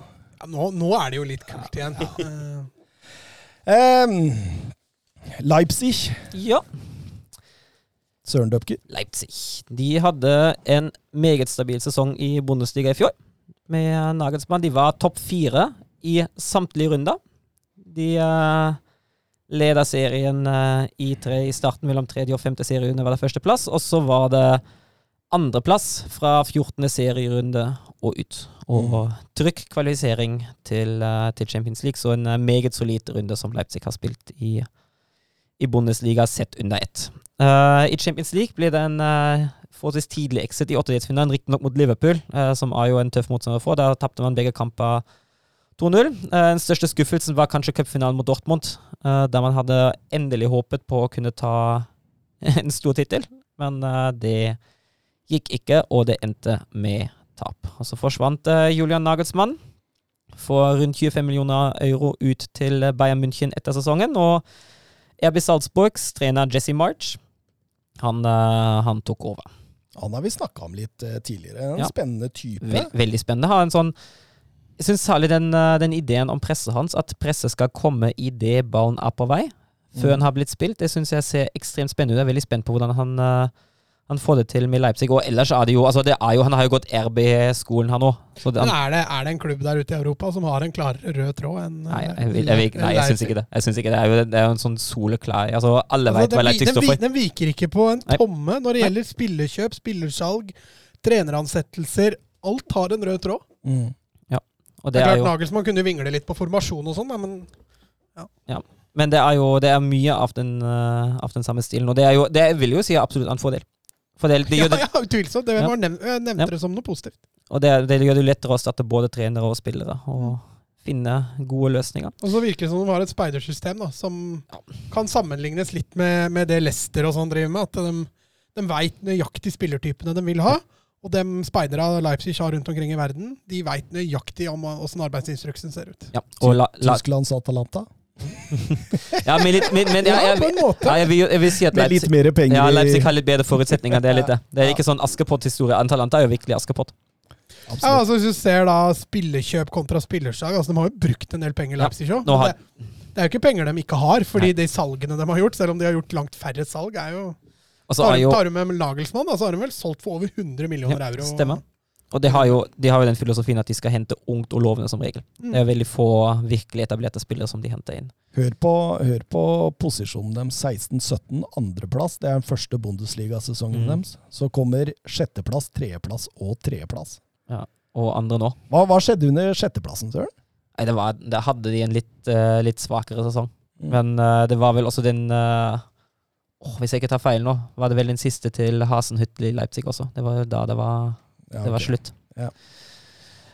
Uh, spillersak, du har vært inne på det, Mats. Uh, Upamecano ut til Bayern for eh, rundt 45 millioner euro.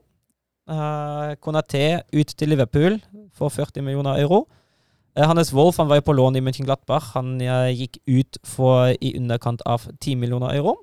Eh, der var det en kjøpsklausul som, eh, som gjaldt. En, ikke en opsjon, men eh, de måtte kjøpe den etter nok kamper. Og Kloivert, som var på, lå, på lån fra Roma, han eh, er også ute igjen. Ja, Nagelsmann da, som ble solgt for 25. Ja. Da, da er da bikka de jo godt over 100 ja, millioner. det er en god del, de, eh, de, de god del klarte målet til Inter. en god del inntekter der, som også har blitt uh, brukt klokt, vil jeg si. Uh, André Silva har kommet inn fra Eintracht Frankfurt, en spiss. Ett et år etter at Timo Werner dro, har de vel endelig funnet en Timo Werner-erstatter. Uh, ikke helt lik eh, type. ikke helt lik type, men med tanke på måltall. Mm. Uh, Guardiol inn fra Zagreb, han har vi blitt kjent med under EM. Han var litt å rette opp igjen, eh, inntrykket der. Altså. Ja, han spilte jo litt, litt feil posisjon, Jo syns jeg. For i underkant av 19 millioner euro. Angelinho har blitt fast fra City for 18 millioner euro. Han var jo bare på lån. Uh, så har Sima Khan kommet inn fra Strasbourg for 15 millioner euro. er nok en ung midtstopper. Og Henriks har også kommet inn fast etter å ha vært på lån fra Monaco, som Thomas har vært inne på. Mm. Eh, har Brian Broby. Brian Broby.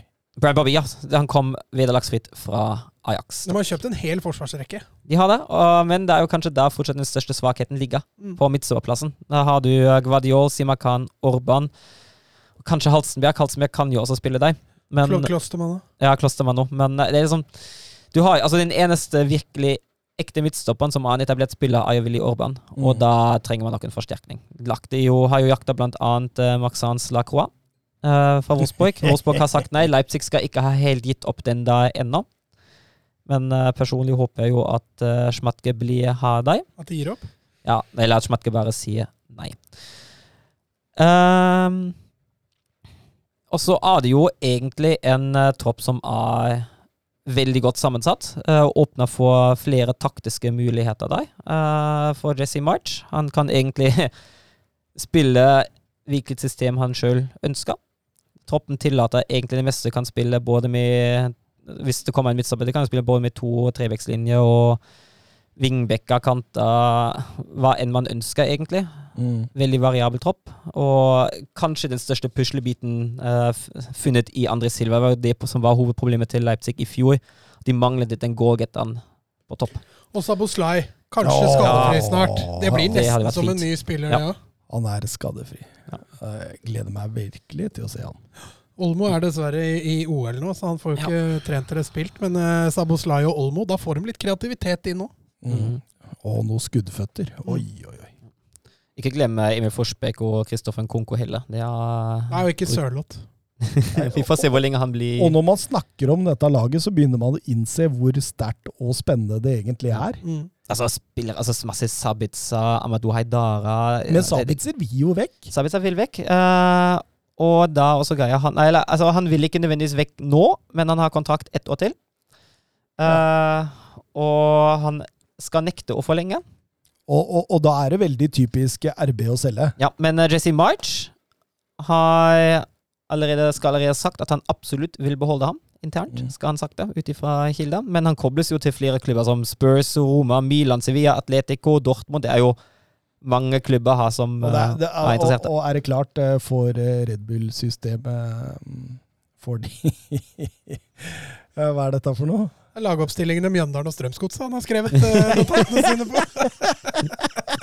Det er, stor, det er en lang vei fra, fra Konsto Arena til Leipzig, altså, Sir. Var du der og så kamp? I alle Var det som eh, skribent. Å ja, for uh, Fotballnerd, ja. All right.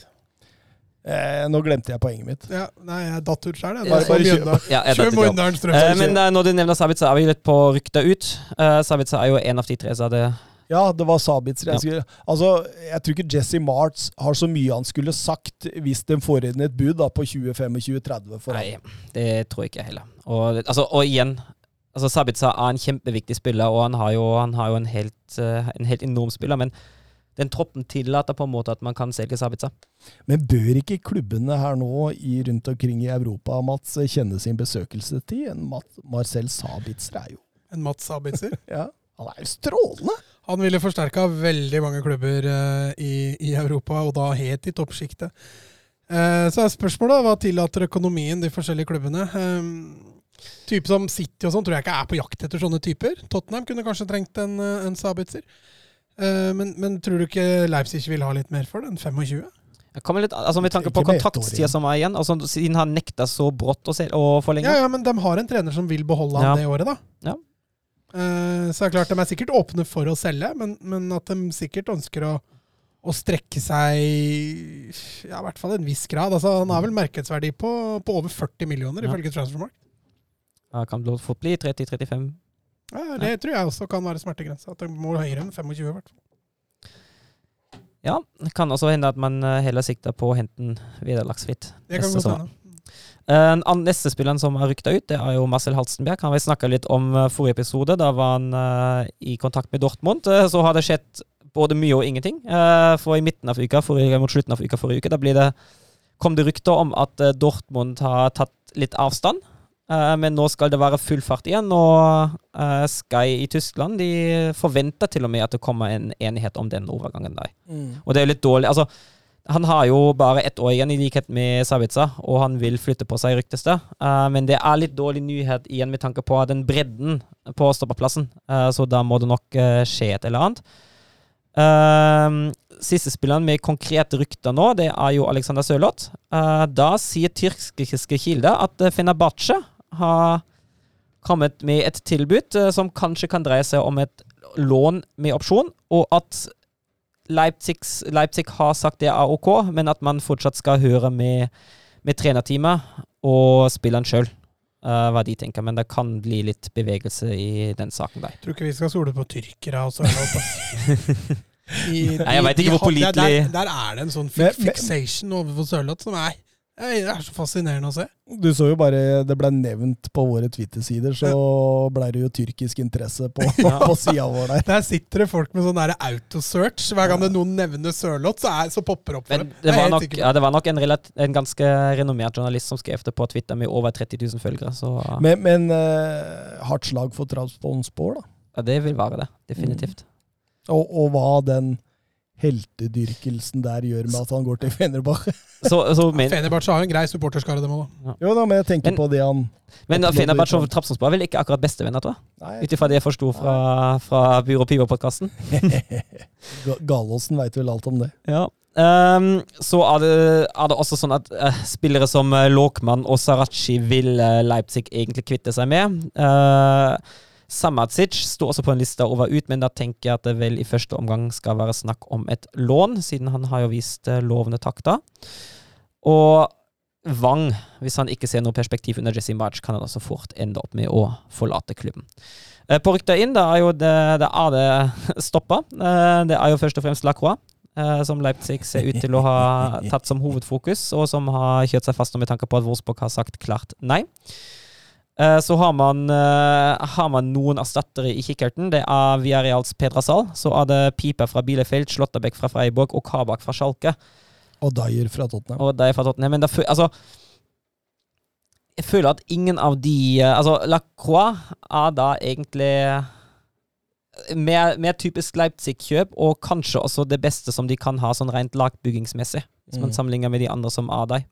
Mm. Så vi får se. Men at en stopper må inn, det er, det er klart, det. Ja. Men uh, utenom det, vi har vært inne på det, jeg syns det laget her ser veldig, veldig bra ut, og det er jo topp tre i Tyskland, det har jeg. Jeg antar at de, krangler, de kan fint krangle med Dortmund om den andreplassen bak Bayern også. Kan bli litt sånn uh, repetisjon fra i fjor. Ja. Henger lenge med Bayern, oi sann. Og så rakner på slutten. Det blir veldig spennende å følge med utviklingen til Guardiola og Simakan. Ja, Jeg gleder meg veldig til å se de. Ja, Men Staposlai òg. Mm. Den, jeg den syns jeg er enda mer spennende. Ja, Og en, jeg vet ikke om du nevnte han, jeg har datt litt ut her, men Samartic. Snakker du om han? Ja, han, jeg sa at han skulle kanskje dra, Oh, ja, okay. fordi eh, Leipzig ser ut til å ville kvitte seg med Jeg antar at jeg snakker om et lån. Fordi de få gangene jeg har sett han, så Ja. har han vært en Ja, jeg nydelig Jeg er helt enig. fotballspiller. Jeg antar at, at de vil gi ham mer spilletid. Mm. Og det skjønner jeg jo med tanke på hva han, eh, hva han må konkurrere mot Ja, i han er bare Leipzig. 19 år eller noe sånt. Og Brian Brobby, da, som Ja. blir spennende å se hvor, hvilke, altså, hvor mye tillit får han. Mm. Mye ungt, mye spennende, Mm. mye potensial til uh, mye, mye gøy med det laget der. Og jeg er helt enig med deg, Søren. Det blir topp tre Eh, Wolfsburg! Der, Ja. der har du vel noen meninger? Det Å ja da. Han slåss inn Wolfsburg her. eh, Ja, men det er, jo, det er jo de lagene vi følger. Det er jo greit Nei, å det er ha lov. med. Det er lov. Um, forrige sesong uh, begynte dårlig. Uh, røyk i den siste kvalifiseringsrunden til Europa League mot AIK Aten. Tapte 2-1 og spilte ikke Europa, som uh, skulle vise seg å bli en kjempefordel i Bundesliga. En litt Dette visste Glasner, vet du. ble en, ble en litt mager start på sesongen òg, uh, men det skjøt fart. Og i løpet av høstsesongen tapte Wolfsburg knapt, knapt noen kamper. Uh, og i hele våren uh, var laget på Champions League-plass og endte til slutt opp på fjerdeplassen etter en uh, meget solid uh, oppvisning. Uh, trener Oliver Glassen han var likevel ferdig. Han skal ha hatt dårlig samarbeid med sportssjefen, og spillerne var, skal være ganske lei ham.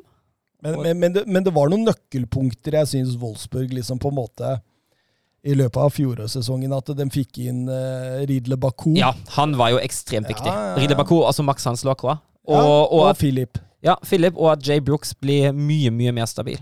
Og så var jeg veldig imponert over Slager. hvordan han... eh, Så, så det var Men både, både Slager og Arnold sentralt, ja, det så, er jo så, veldig så det var flere spillere også som tok på en måte eh, et større nivå Ja. da enn du har sett dem tidligere. Ja, og, og Vård Verås har jo aldri skåra så mye i Bundesliga som forrige Ja, sesong, med 20 mål.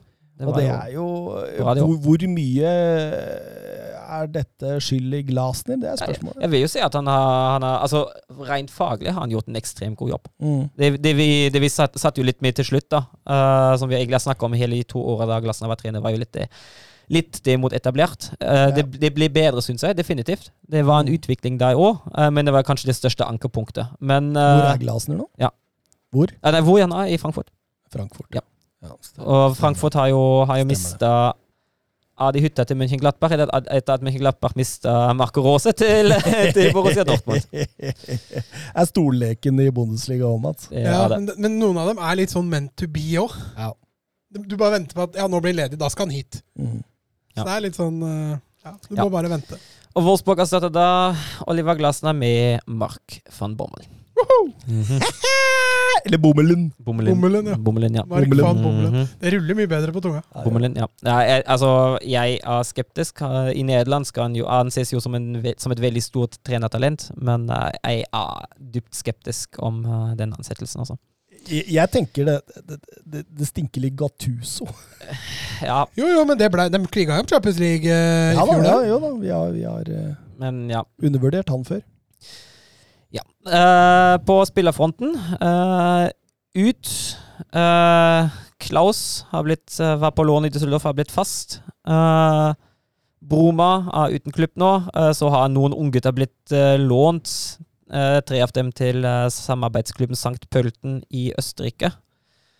Inn er vesentlig mer spennende. Da har midtstopperen Sebastian Bourneau kommet fra Köln for 13,5 millioner euro.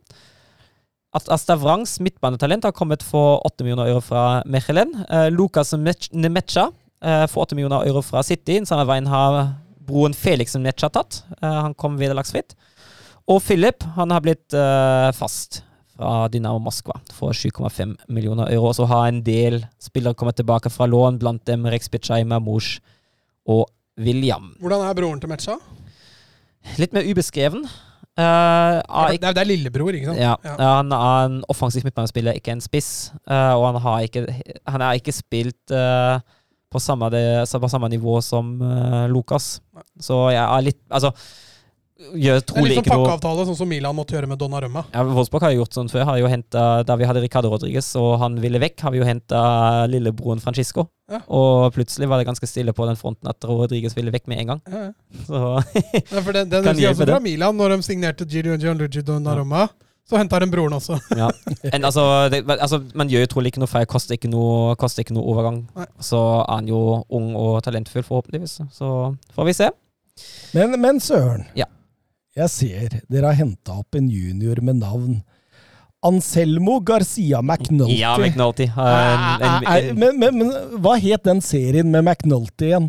Den derre krimserien? Aldri hørt om. Du tenker på. Jimmy McNulty? Ja, det, The Wire? The Wire ja, det heter. The Wire, Ja. McNulty. Er, er det en sammenheng her, eller? Jeg, jeg tror ikke det. jeg tror ikke det. Nei, jeg, jeg, skjønner, men, jeg eh, skjønner egentlig det. Jeg skulle bare prøve å være morsomt. Og angående navn, uh, Søren, jeg, jeg, vil bare teste det her. Bare for moro. Ja. Kan du fortelle meg det hele og fulle navnet til Mark van Bommel? Det er har jeg sånn tre fornavn. Alle slutter på US, tror jeg. Nei da, nå skal du høre her. Maria, var det? Var det? Mark, Peter, Ja. Gertruda, jeg, ja. Andreas van Bommel. Ja. Sånn var det, ja. Jeg er sånn typisk Nederland som gjerne har en god del for fornavn. Gertruda! Det er det verste jeg Men når vi kommer til, til eh, svakheter her uh, Den største er jo kant. Og det, hos meg begynner alarmbjellene å gå sakte, men sikkert. Og vi har henta inn en ny spiss, vi har henta en sentral midtbane, vi har henta inn uh, enda en midtstopper, men vi har fortsatt ikke henta inn en kant. Og det begynner å dra ut i tid, og den historien har vært brukt i altfor mange ganger i den klubben der. Og jeg er litt rett om at det ikke skjer noe der. Er det noen rykter inne? Nei, ikke noe konkret. Det er litt det. Hva er Altså, drøm- drømmekanten, da? Realistisk. altså i Hatteren hadde jo vært deilig. Mm. Er ikke du, er ikke du, liker ikke du litt sånne kjappe kantkanter? da? Uh I Hattaren er vel ikke en kantkant? Han er mer sånn innoverkant. Jo, men uh, det kan jo funke fint, det. Altså, han er jo talentfull, ung, uh, ung lovende, har vist sin klasse i, uh, i PSV. Og jeg tar han igjen, altså. Ja, det skjønner jeg. Ja. Det, er, Men- det er ikke noe problem med. Jeg tenkte mer en sånn typisk kantkant. Det er Ryan Giggs-type, liksom.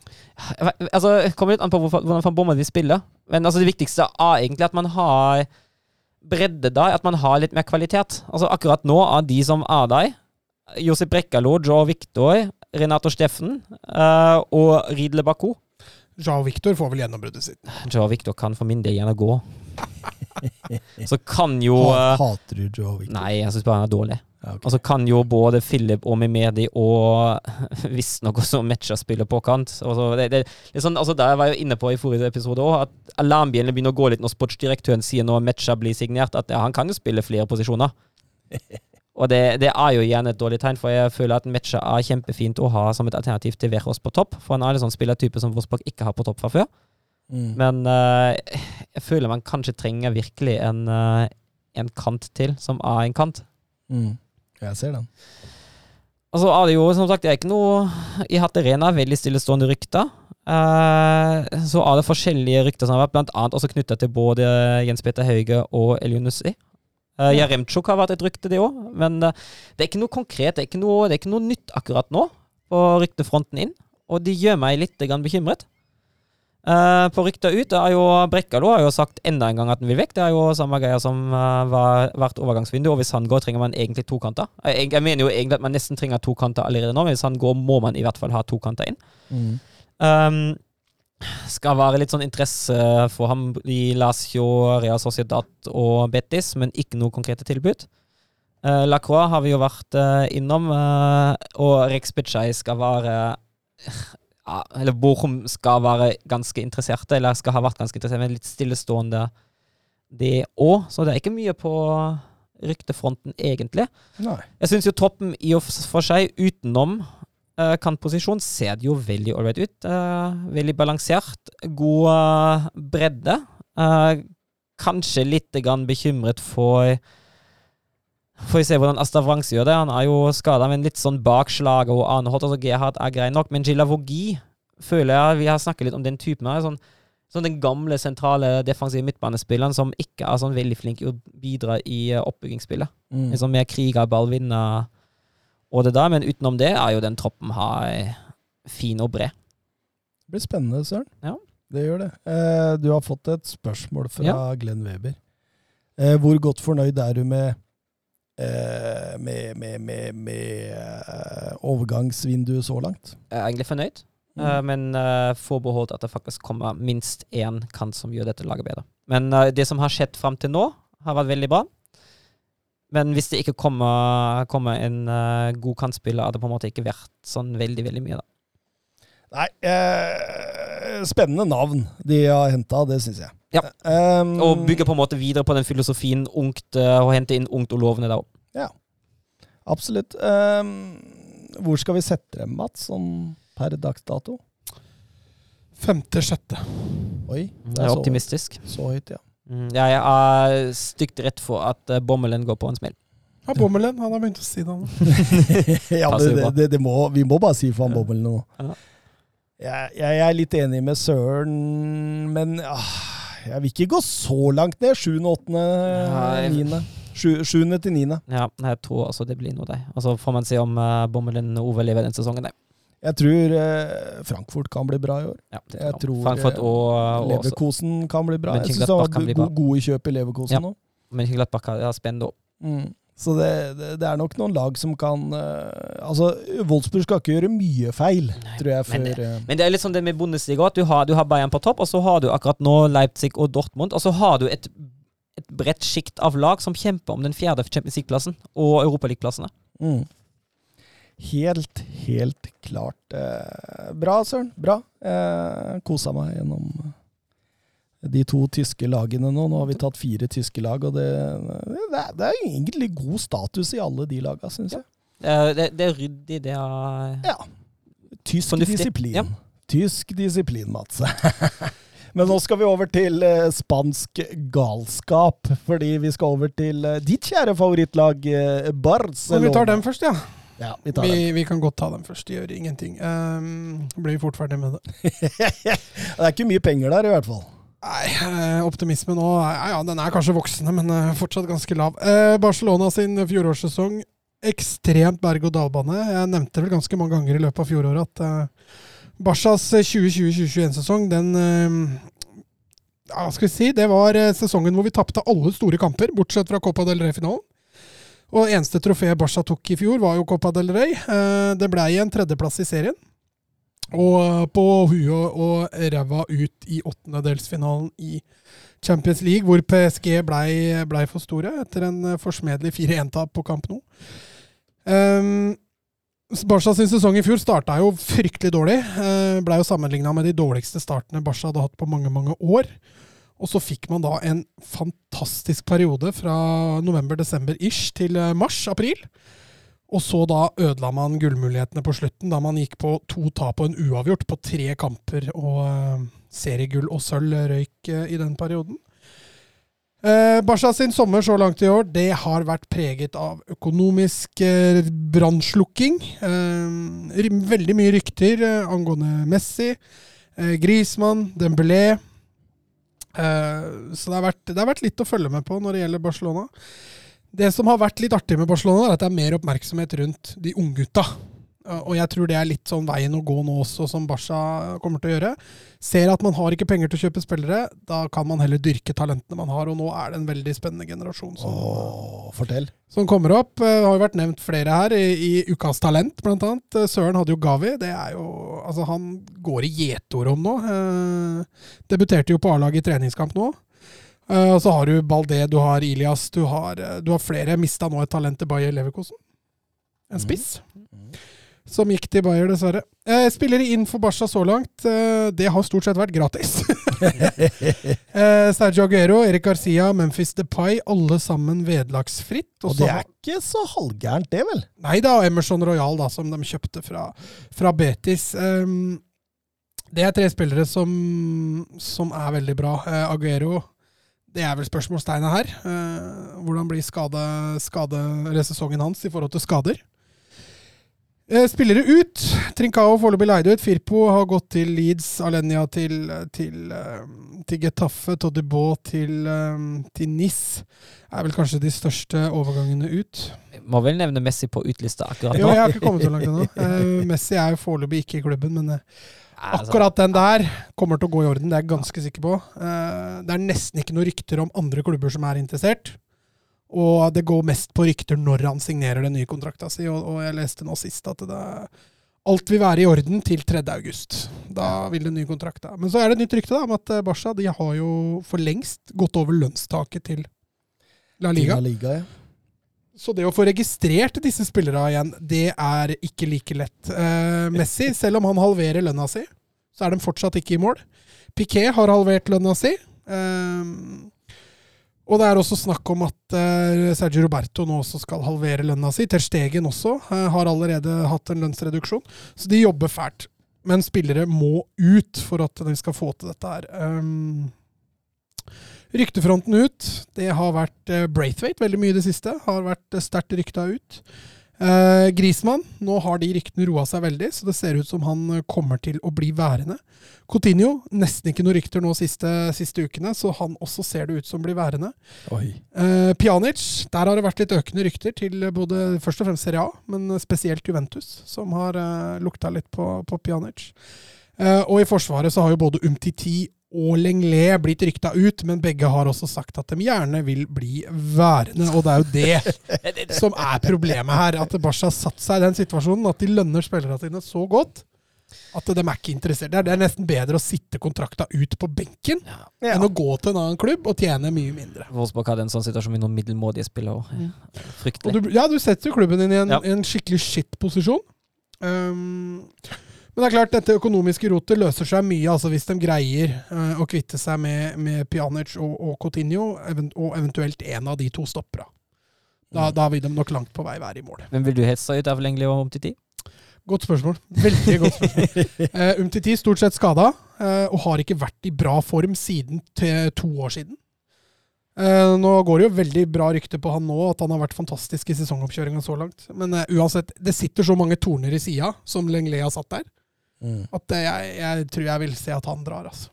Eh, sammen med da Braithwaite, selvfølgelig. Eh, Coutinho og, og Pjanic.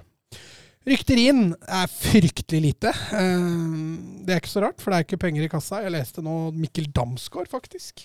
Oi, Selv om den ikke kanskje er så, så stor. Eh, Eller så er det jo da litt sånne byttehandler som, som går igjen, og det Jeg har ikke noe troa på at det skjer.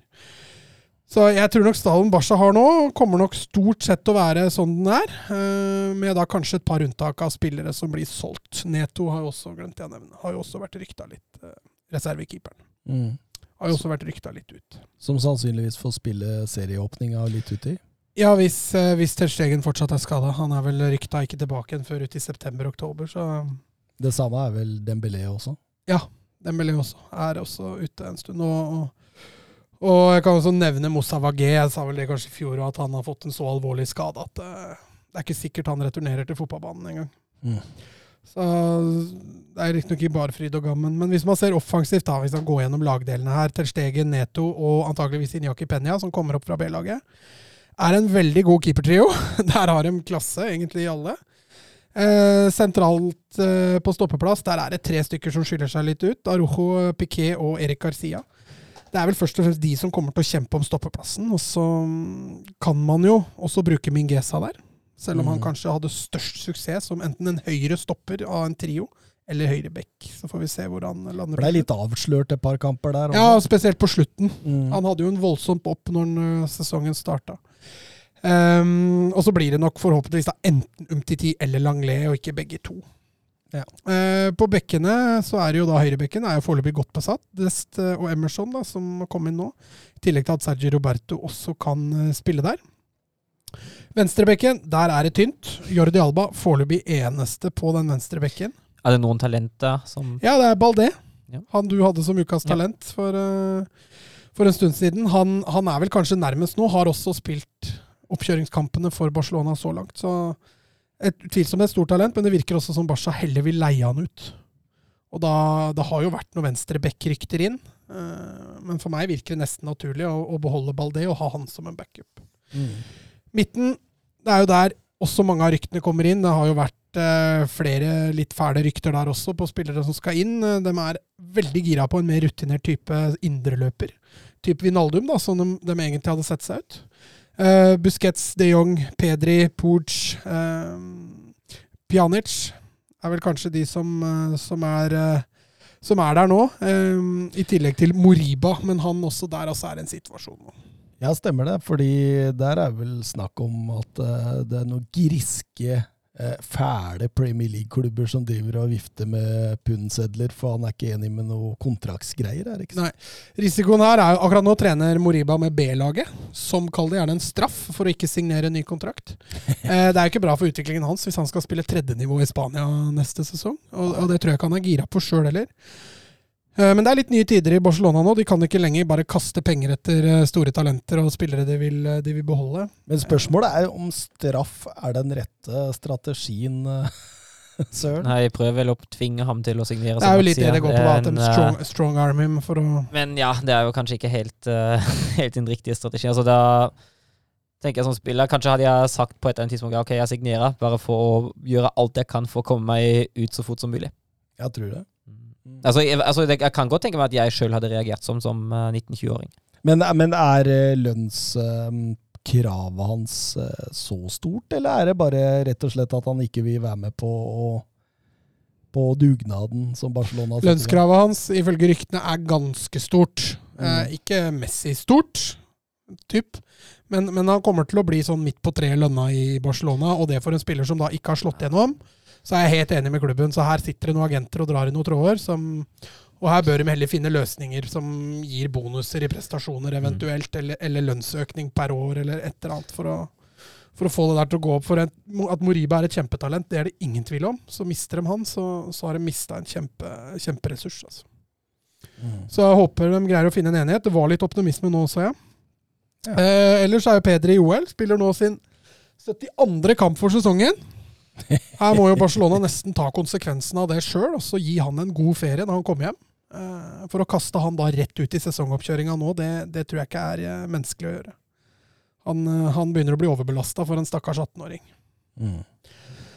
Så får vi se. Jeg, for meg er det vanskelig å tippe Barcelona. Jeg er alltid litt passe, jeg. Jeg ikke Du er pessimist. pessimist det jeg er Pasifist! Jeg er pasifist. Ja, jeg er pasifist. Tipper ikke Barcelona. Ah, Du, du er i hvert fall ikke særlig skuddglad. Nei, det er jeg ikke. Um, så Altså, på grunn av Real Madrid og Atletico da ikke forsterker seg noe sånn voldsomt foreløpig, så sier jeg at Barcelona kommer til å kjempe om seriegull. Blir det dikt hvis de vinner seriegull? Jeg ser eh, denne godeste Moriba har eh, samme agent som annet eh, Firminio, Firminio nå sa jeg det faktisk, og, og Sabitzer. Um, og Draxler, for å Ja, dra, men, altså, Draxler er jo en spiller som har Ja. Ja, men er ikke Max Maier òg, for han nevnte Ja, jeg som eksempel forrige Det er samme agentselskapet som Max Maier. Fordi Firmino og Savitz har jo ikke utmerket seg til å være særlig griske, egentlig. Det er altså agentselskapet Rogon som uh, sitter på disse nydelige spillerne. John Anthony Brooks også. Såpass, ja. ja. Men han har i hvert fall ikke utmerket seg å være særlig grisk i Wolfsburg. Eh, nei, men Bra, det. Jeg er helt enig med deg, Mats. Eh, jeg, tror, jeg tror du har La Liga-mesteren akkurat der. Eh, mest pga. De andre laga. Litt pga. at Erik Garcia er sårt tiltrengt inn der. Litt pga. stega Pedri har tatt, og at de har en Messi som er outstanding. Ja, Gitt at Messi signerer, sånn som det ligger an til, så Hvis Messi ikke signerer, da må vi revurdere. Men ba, ba, bare de indreløperne da, med de Jong og, og Pedri, er jo, det er jo pur verdensklasse. Ja. Og eh, ja, nei, jeg er helt enig. Midtbanen til Barcelona Barcelona er, er både erfaren og, og, og talentfull, hvis jeg kan si det på den måten. Så- Ja. ja. Hadde du noe mer? Nei, jeg har ikke noe mer. Sevilla? Sevilla FC, Sevilla Football Club. Sesongen i fjor, også en berg-og-dal-banesesong, eh, starter veldig bra. Eh, Jeg var vel tidlig ute og, eh, snakket om at Sevilla kunne utfordre om et mulig seriegull. Fikk fort en skudd på baugen da de gikk på en del smeller og datt fort bak både Atletico, Real og, og Barcelona, faktisk, i starten. Og så fikk de jo en grusom bra Grusom bra, sier man det? En Ja, veldig bra Det er lov å si det. en veldig bra eh, vintersesong hvor de, hvor de henta seg mesterlig inn. og Selv om det ble exit, var det vel mot Dortmund mm. i, i eh, åttendelsfinalen i Champions League. Så, så plutselig, når de nærma seg slutten av sesongen i fjor, så var de altså med og kjempa litt om, om dette seriegullet, men også da kanskje først og fremst medaljer. Til syvende og sist så handla de utafor og blei nummer fire, men sikra seg jo da eh, Champions League denne sesongen for det. Og var vel tidvis litt sånn småkjedelig å se på. Ja, Men allikevel, da. eh, Lopetegi, Monchi, de gutta der er allikevel blir litt glad i dem. Det er litt Ja sånne slitere. Ja. Så det er det kult at de har fått det til, syns jeg. Så eh, Sevilla var et lag jeg heia litt, jeg heier litt mer på dem enn Atletico, faktisk. Mm. Hvis det går an å si det. Det er lov, det. At man heier på noen. Spillere inn. Fryktelig slapt overgangsvindu fra Monchi å være så langt. Eh, Marko Dmitrovic, Sørens store favoritt, ble jo klar eh, tidligere Tidligere Ja, det var et par uker siden nå. Eh, Eh, og- tar, tar han keeperplassen, eller? Ah, Det er et veldig godt spørsmål, men jeg tror han gjør det. Oi, oi. Jeg tror han kommer til å få den plassen. Eh, ellers så er jo da Erik Lamela da klar i går i en byttehandel med Brian Gill. Erik Lamella. Jeg tror han blir en hit, jeg. I Det tror jeg jo. Det der var en Altså Jeg var vel kanskje litt negativ i forhold til, men det var å miste talentet Brian Gill. For jeg, Ja. jeg syns eh, Sevilla ikke har fått utnytta det i det hele tatt. Nei. På en måte så er ikke det en spiller Sevilla har tapt, fordi de har jo nesten aldri brukt den. Nei, ikke sant. Samtidig så får de inn en Lamela, som jeg tror så lenge han er skadefri, kan gjøre det veldig bra altså, i, i Sevilla. Det er jo Rabona-eksperten og, og, og sålefintenes eh, Ja, om ikke far, så i hvert fall sønn. Mm. Og så har du nå da eh, Ja, vi kan gå gjennom laget litt etterpå. Spillere ut. Brian Gill, som vi nevnte. Uh, Guillermo Arana returnerer til, eh, til eh, Amerika. Eh, Thomas Waklik har gått til Olympiakos Franco Vasques har gått til Parma, og Escudero er foreløpig uten klubb. Kaptein, altså egentlig kaptein på laget. Da er det vel Jesus Navas, tror jeg, som tar over det kapteinspinnet. Trolig, trolig. Eh, troppen generelt er jo veldig godt balansert, hvis jeg kan si det på den måten. Eh, kanskje litt bredde som er mangelen her. Bono Dmitrovic keepere. Det ser jo bra ut. Eh, det er jo solide keepere. Så det skal bli spennende å se, se hvor de er. Uh, tok jeg ikke noen rykter ut, men enn så lenge så er Condé fortsatt i klubben. Det er jo det største ryktet som er uh, å finne på Sevilla. Det er jo Condé til Chelsea, og det virker jo veldig nært. da. Virker det. Og det er jo et stort tap. Det er et kjempetap, men samtidig et typisk Sevilla-tap. Altså, Det er så Sevilla som du egentlig får det. Kjøper en spiller i forhold til talentet. Han var jo den dyreste spilleren Sevilla kjøpte, tror jeg. Uh, og så selger han da for tregangeren. Uh, så det er jo litt typisk Sevilla, og sånn man må holde på litt, tror jeg. Diego Carlos, Sergi Gomez, eh, Karim Rekik eh, og uh, Joris Gnanon kan godt nevne han, men det blir vel et salg fort der også. Så de er jo da enn så lenge godt Godt skolert, holdt jeg på å si. Hva heter det for noe? Godt besatt Besatt, ja. på, på stoppeplassen. Skulle Kondé forsvinne, så tror jeg nok de vil gå på overgangsmarkedet og finne en, stopp, en erstatter Mm. for, for Kondé, for det tror jeg de trenger. Høyrebekken, også der er det OK besatt. Eh, Jesus Navas var jo strålende forrige sesong. Nå har de også fått inn Påså, tilbake fra et relativt vellykka utlån i, i Eibar. Venstrebekken, der også kan det hende man trenger litt forsterkninger. Marcos Acuña var jo brukbar i fjor, så jeg skal ikke understreke, underdrive det han drev med, men, men det er ingen backup. Nei, det var vel Karim Rekek som tok den uh, jobben Ja, og Eskudero, Escudero Ja. når han Ja. var skadefri. Uh, og nå er Escudero borte. Og ja, så følger jeg Karim Rekek altså, i, det, i, det, i det systemet med Lopetegui, som bruker bekkene såpass offensivt, fungerer det ikke helt med er Rekek. Altså. Han er nesten en venstre bekk i en trebekksystem. Ja. Der, der tror jeg han hadde vært best. Eh, på midten, Goodell eh, var jo stort sett superinnbytter når han kom. Eh, han skal vel konkurrere med Fernando, tenker jeg. Der Fernando foreløpig nok er det klare førstevalget. Indreløperposisjon. Her er det også litt å velge mellom for, eh, for Lopetegi. Joan Jordan, Oliver Torres, Ivan Rakitic er vel de som står foramst i køen. Oscar Rodriguez klarte ikke helt å slå gjennom. Jeg var veldig positiv til det overgangen i fjor. Eh, fikk ikke helt eh, gjennombruddet sitt, så vi får se om det kanskje kommer eh, i år. Offensivt derimot, her har Sevilla sin store styrke med både bredde, kvalitet og klasse. Eh, Nesiri og Luke de Jong er vel de to som er tiltenkt å kjempe om stopp om eh, spissplassen. Søren, Eh, Søren sin deilige Luke de Jong. Nei, jeg har jo ikke noe imot Luke Jeg bare skjønner ikke at han blir foretrukket så mye Vord Wehrhost i han ble ikke det nå? Nei, ikke i EM. Men uh, han ble det jo i to år, uten at det egentlig gjenspeilte seg i klubbenes prestasjon. Eller prestasjon for klubblagene. Han hater den. Nei da. Hater ingen. Eh, på kantene så har du jo da Idrissi, Zuzu, Lamela, Lopez, Pau Gomez og Munir El Hadadi. Så her er det både bredde og kvalitet offensivt for Sevilla. Så får vi se. Eh, skulle Kondé ende opp med å dra, så hvis Sevilla greier å få inn en bra erstatter der, og en venstre back, kanskje en breddespiller til på midten, så blir nok Sevilla å regne med også denne sesongen, tror jeg. Eh, jeg tror nok det store målet selvfølgelig for Sevilla er topp fire, men også ta et steg videre i Champions League. Klare å kvalle inn til en kvartfinale. Voksent lag. Rutinert lag. Mye spillere sånn 30 pluss. Ja, og jeg tror også det er litt undergangen for Brian Gill. Mm. At uh, han nesten var for ung til å Ja, da, da, da selger de da Kondé, da, som er 22 og Hill, som uh, ikke er tørr bak øra. Og det, da sitter du ikke igjen med voldsomt eh, mye unge spillere i dette, denne troppen her, altså. Nei, du har Poso, han er 22. Det er vel noe av det yngste du finner faktisk i, i A-troppen til, eh, til Sevilla. Og det sier vel, sier vel da litt det meste om hvordan eh, Sevilla nå jobber. Det er eh, etablerte spillere som skal drive dette laget. Ja, nei, det er flott det, Mats. Eh, Hvor eh, ser du sånn per dags dato at de vil eh, Fjerde. Ja. det er vel kanskje klink fjær òg? Ja, altså Villarreal, skal ikke kimse av Villarreal. Um, det de gjorde i fjor. eh, De har ikke foreløpig mista noen av de etablerte gutta sine. Tvert imot, de har vel prøvd å forsterke i hvert fall bredden litt. Så Villarreal skal jeg ikke avskrive i det hele tatt. Skal heller ikke avskrive Sociedad.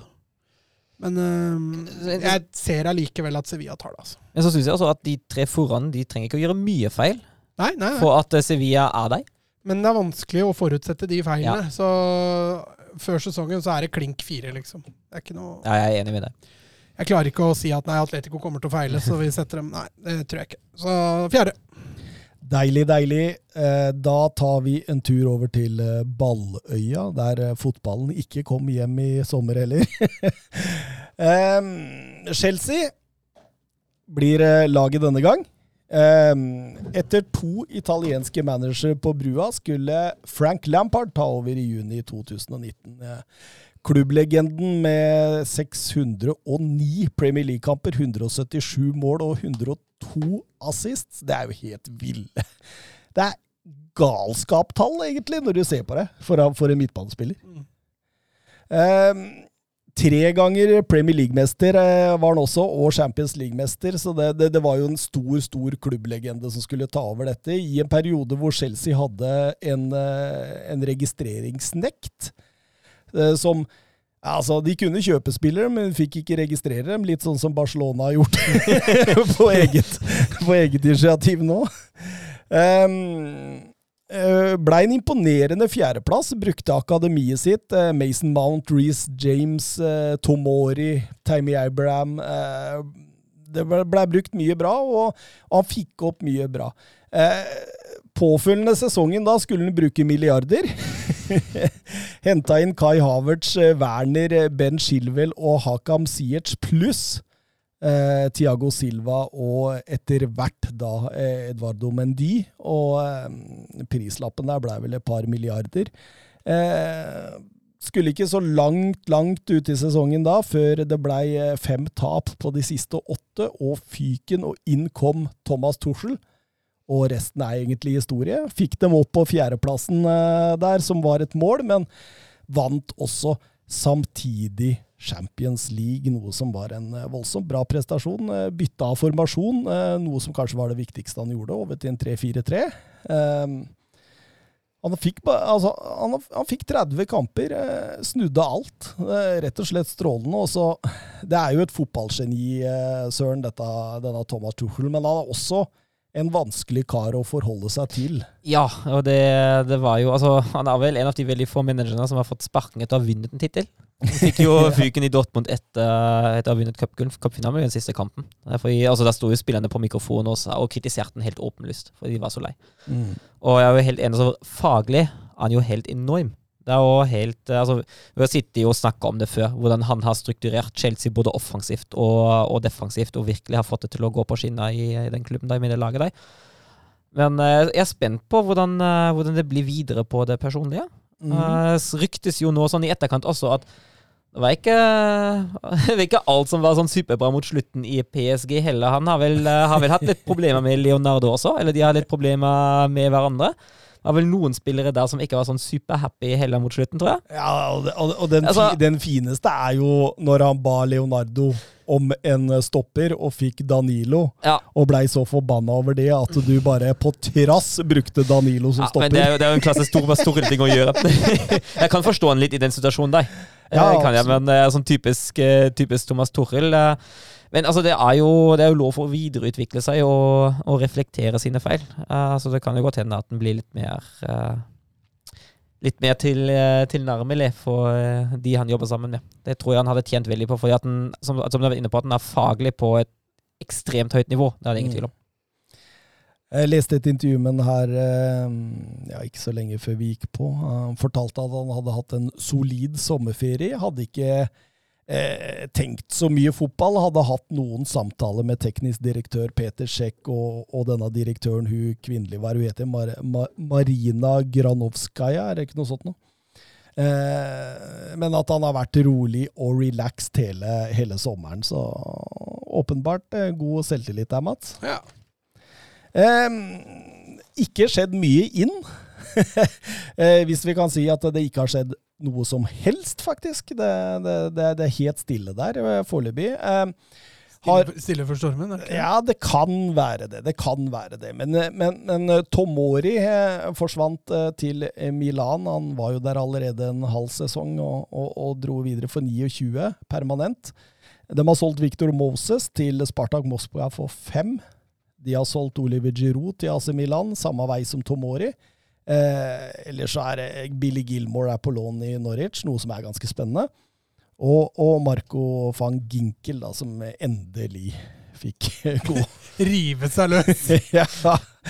Eh, rykter inn eh, det, det ryktes altså, det, altså, det store navnet har jo vært Erling Braut Haaland. Og jeg, jeg, jeg, tror jo det at det er det som er deres eh, main target. Um, det har ikke vært noe bud der enda. Eh, det har vært snakka om alt fra 130 til 175 millioner euro. Eh, hvis de kommer med et bud omtrent rundt det der sjiktet der, så tror jeg kanskje Dortmund selger. Ja, men da tror jeg de må komme med det budet forholdsvis snart òg. Mm. For hvis det kommer i slutten av august, kommer Dortmund til å si nei. Ja, ja.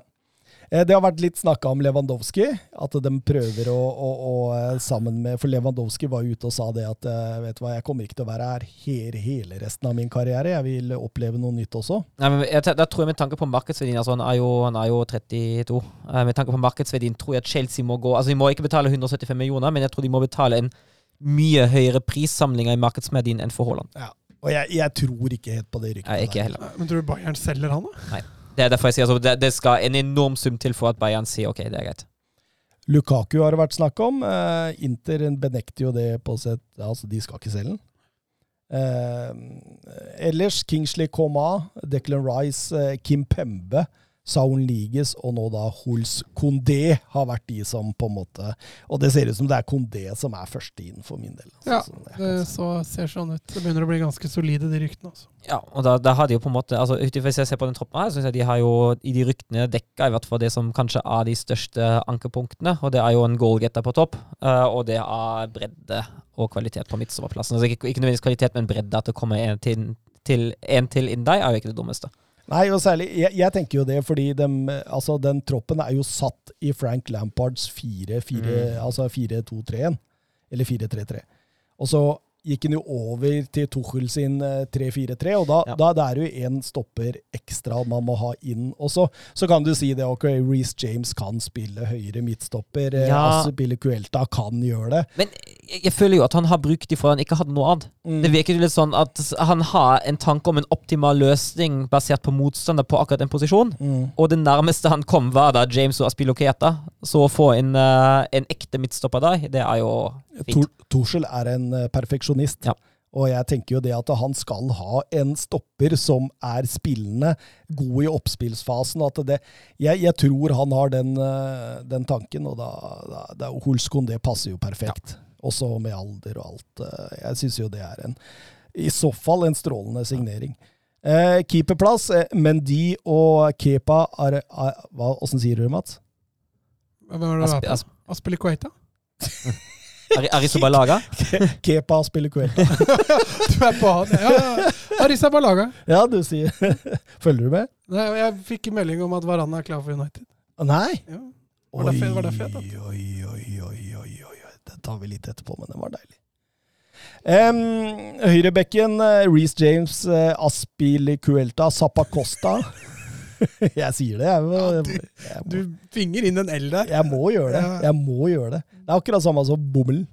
Det må. Det må. Det glir bedre med en L der. Eh, Zappacosta tror jeg ikke Altså, han har kontrakt ut denne sesongen. Jeg tror vel han kanskje forlater, i hvert fall. Ja, jeg har ikke noe tro på han blir. Eh, ellers så eh, har de Ben Shilwell, Emerson og Alonso. De to sistnevnte er også på vei ut fra venstrebekken. Mm. Eh, så har vi stoppeplassen. Hvis Kondé eh, kommer inn der, så er det jo en eh, stor pluss i den margen der. Kurt Zuma. Det er blitt vist interesse for han både av Tottenham og Everton. Det kan være en vei ut for han. Christensen, enorm i EM, var også veldig god mot slutten av forrige sesong. Stor tro på at han fortsetter der. Det samme gjør vel Rodiger, som var i kulden under Lampard. men i varmen for Torshov. Ja, da hadde jo det med den spillende stopperen. Han ble veldig brukt ofte den som, uh, som trakk litt opp og slo de diagonalballene ut mot høyre. Og mm. det gjorde han jo veldig godt. Eh, Tiago Silva tar et nytt år. Eh, ellers så er det Ampadu som er tilbake på lån. Jeg, jeg har ikke sett helt den store utviklinga der. Nei. Og Malang Sarr, som er um, Altså Han ble henta gratis fra NIS eh, før eh, forrige sesong, sendt ut til Porto på lån. Eh, fikk ikke voldsomt mange Det virka nesten som om Sergio Concesao ikke stolte helt på han. Men samtidig så, så, så, så er det jo et stort talent, og, og sier vel sjøl at han skal bli nå for å kjempe om plass på laget. Um, balanserende. Um, strålende spillere. Canté, Jorginho, Kovacic. Til og med en Bakayoko der, selv om han sannsynligvis ikke har noe fremtid. Offensivt, der er det jo det er voldsomt med krefter. Noen er nok på vei ut, sånn som Ross Barkley, kanskje en Ruben Loftus-Cheek. Eh, Jeg så Callum Hudson og Doy òg bli rykta litt ut. ja, ja. Eh, Mason Mount, Havertz, Ziyech, Pulisic. Du kan jo nevne kvalitet i fleng, Søren. Ja, og det er jo, det er jo helt enormt. Og det har vi også vært inne på før, men jeg liker veldig godt hvilken fleksibilitet det gir den troppen deg. Mm. At du kan, eh, du kan spille Altså Du kan virkelig bruke de spillerne på veldig mange posisjoner og finne alltid den beste løsningen hvordan det flyter best. Ja. Jeg, syns det er helt fantastisk, de mulighetene det gir en trener. Det er, eh, det er nydelig. Eh, I angrep Altså, når når jeg når jeg nevner alle disse navnene, så tenker jeg her er det mye dødkjøtt. Altså Bachuai, Abraham eh, På vei ut, sikkert. Eh, Timo Werner er jo der. Eh, det samme Armando Broya, 2001-modellen, som, eh, som skrev ny kontrakt nå og ser ut som eh, skal få sjansen. Fiabema. Hva sa du? Fiabema. Jeg veit ikke, jeg har ikke hørt noe særlig om den, altså. Trente ikke han med A-laget Ja. for et års tid siden? Her glemte jeg å spørre, fordi det skulle jeg fram til nå. Jeg har vært i kontakt med mm, en, eh, ja, altså en sportsjournalist i Altaposten, og som er eh, svoren Chelsea-supporter. Jeg fikk en liten sånn, et tips fra Jørgen, eh, be ready, på at eh, ta kontakt med han, for han eh, kan mye Chelsea, når jeg spurte Jørgen om et par spørsmål. Eh, og han eh, var ganske klar på at Chelsea har satt seg i en posisjon hvor de egentlig ikke trenger å forsterke, og at eh, man eh, heller bør tynne ut rekkene litt. Og det, er det inntrykket jeg får, også med når vi går gjennom eh, stallen her. Eh, kanskje nummer ni, som han sa. Han, han var ikke like klar som meg på at de behøvde en stopper, når jeg drev og diskuterte med han på, på, på innboksen i Twitter. Men eh, han han mente jo det at det forsvaret hadde på en måte Ja, med Jo, men en skade eller to der. Ja, så ryker det jo. Eh, han nevner at Marcus Bettinelli kommer til å komme inn i keeperteamet, eh, ta over plassen til Caballero. Eh, ellers er det ved Kondé, Rice og Erling Braut Haaland som muligens er de største, største navna. Eh, ellers så nevner han også at eh, Chelsea har kvitta seg med de største talentene sine, egentlig. Miles Perth Harris har gått til Brentford, Louis Bate til eh, Leeds. Marku Guehi til Crystal Palace og eh, årets akademispiller sist sesong, Valentino eh, Livramento, eh, er også på vei ut. Eh, men eh, av spillere Altså, han hadde veldig, veldig stor eh, tro på eh, Gallagher. Han er troligvis på vei til, på lån igjen, til Leeds eller Crystal Palace. Eller så var det Brocha. Dujon Sterling, en uh, unggutt uh, på høyre wingback, og Tino uh, Anjorin, som vi har hatt som ukas talent. Som uh, var de som kanskje kunne etter hvert få litt spilletid. Men hva, hva, hva, hva tenker vi om Chelsea? Altså, det er jo klasse. Det er klasse i det laget. Og ut ifra den troppen de har, og ut ifra den kvaliteten som de har på trenerbenk, mener jeg at Chelsea er den fremste utfordreren til City kommende sesong. Ja, delvis enig. Jeg eh, tror også Chelsea kan utfordre om Premier League-gull neste år. Tror dere de kan forsvare Champions League-tittelen? De kan, definitivt. Det er jo alltid vanskelig. Det er, det er jo det. Uh, men uh, hvis vi nevner PSG blant de tre store favorittene, nevner vi også Chelsea da, sammen med City, tenker jeg. Mm. Tenk om de fikk på plass en Condeo og Haaland nå. Åh, herregud. Ja. Krutt, altså. Ja, da, da hadde de kanskje vært over Chelsea òg. Nei, City òg. Ja, da begynner de virkelig å nærme seg. Kommer an, kom an på hva City henter inn, da.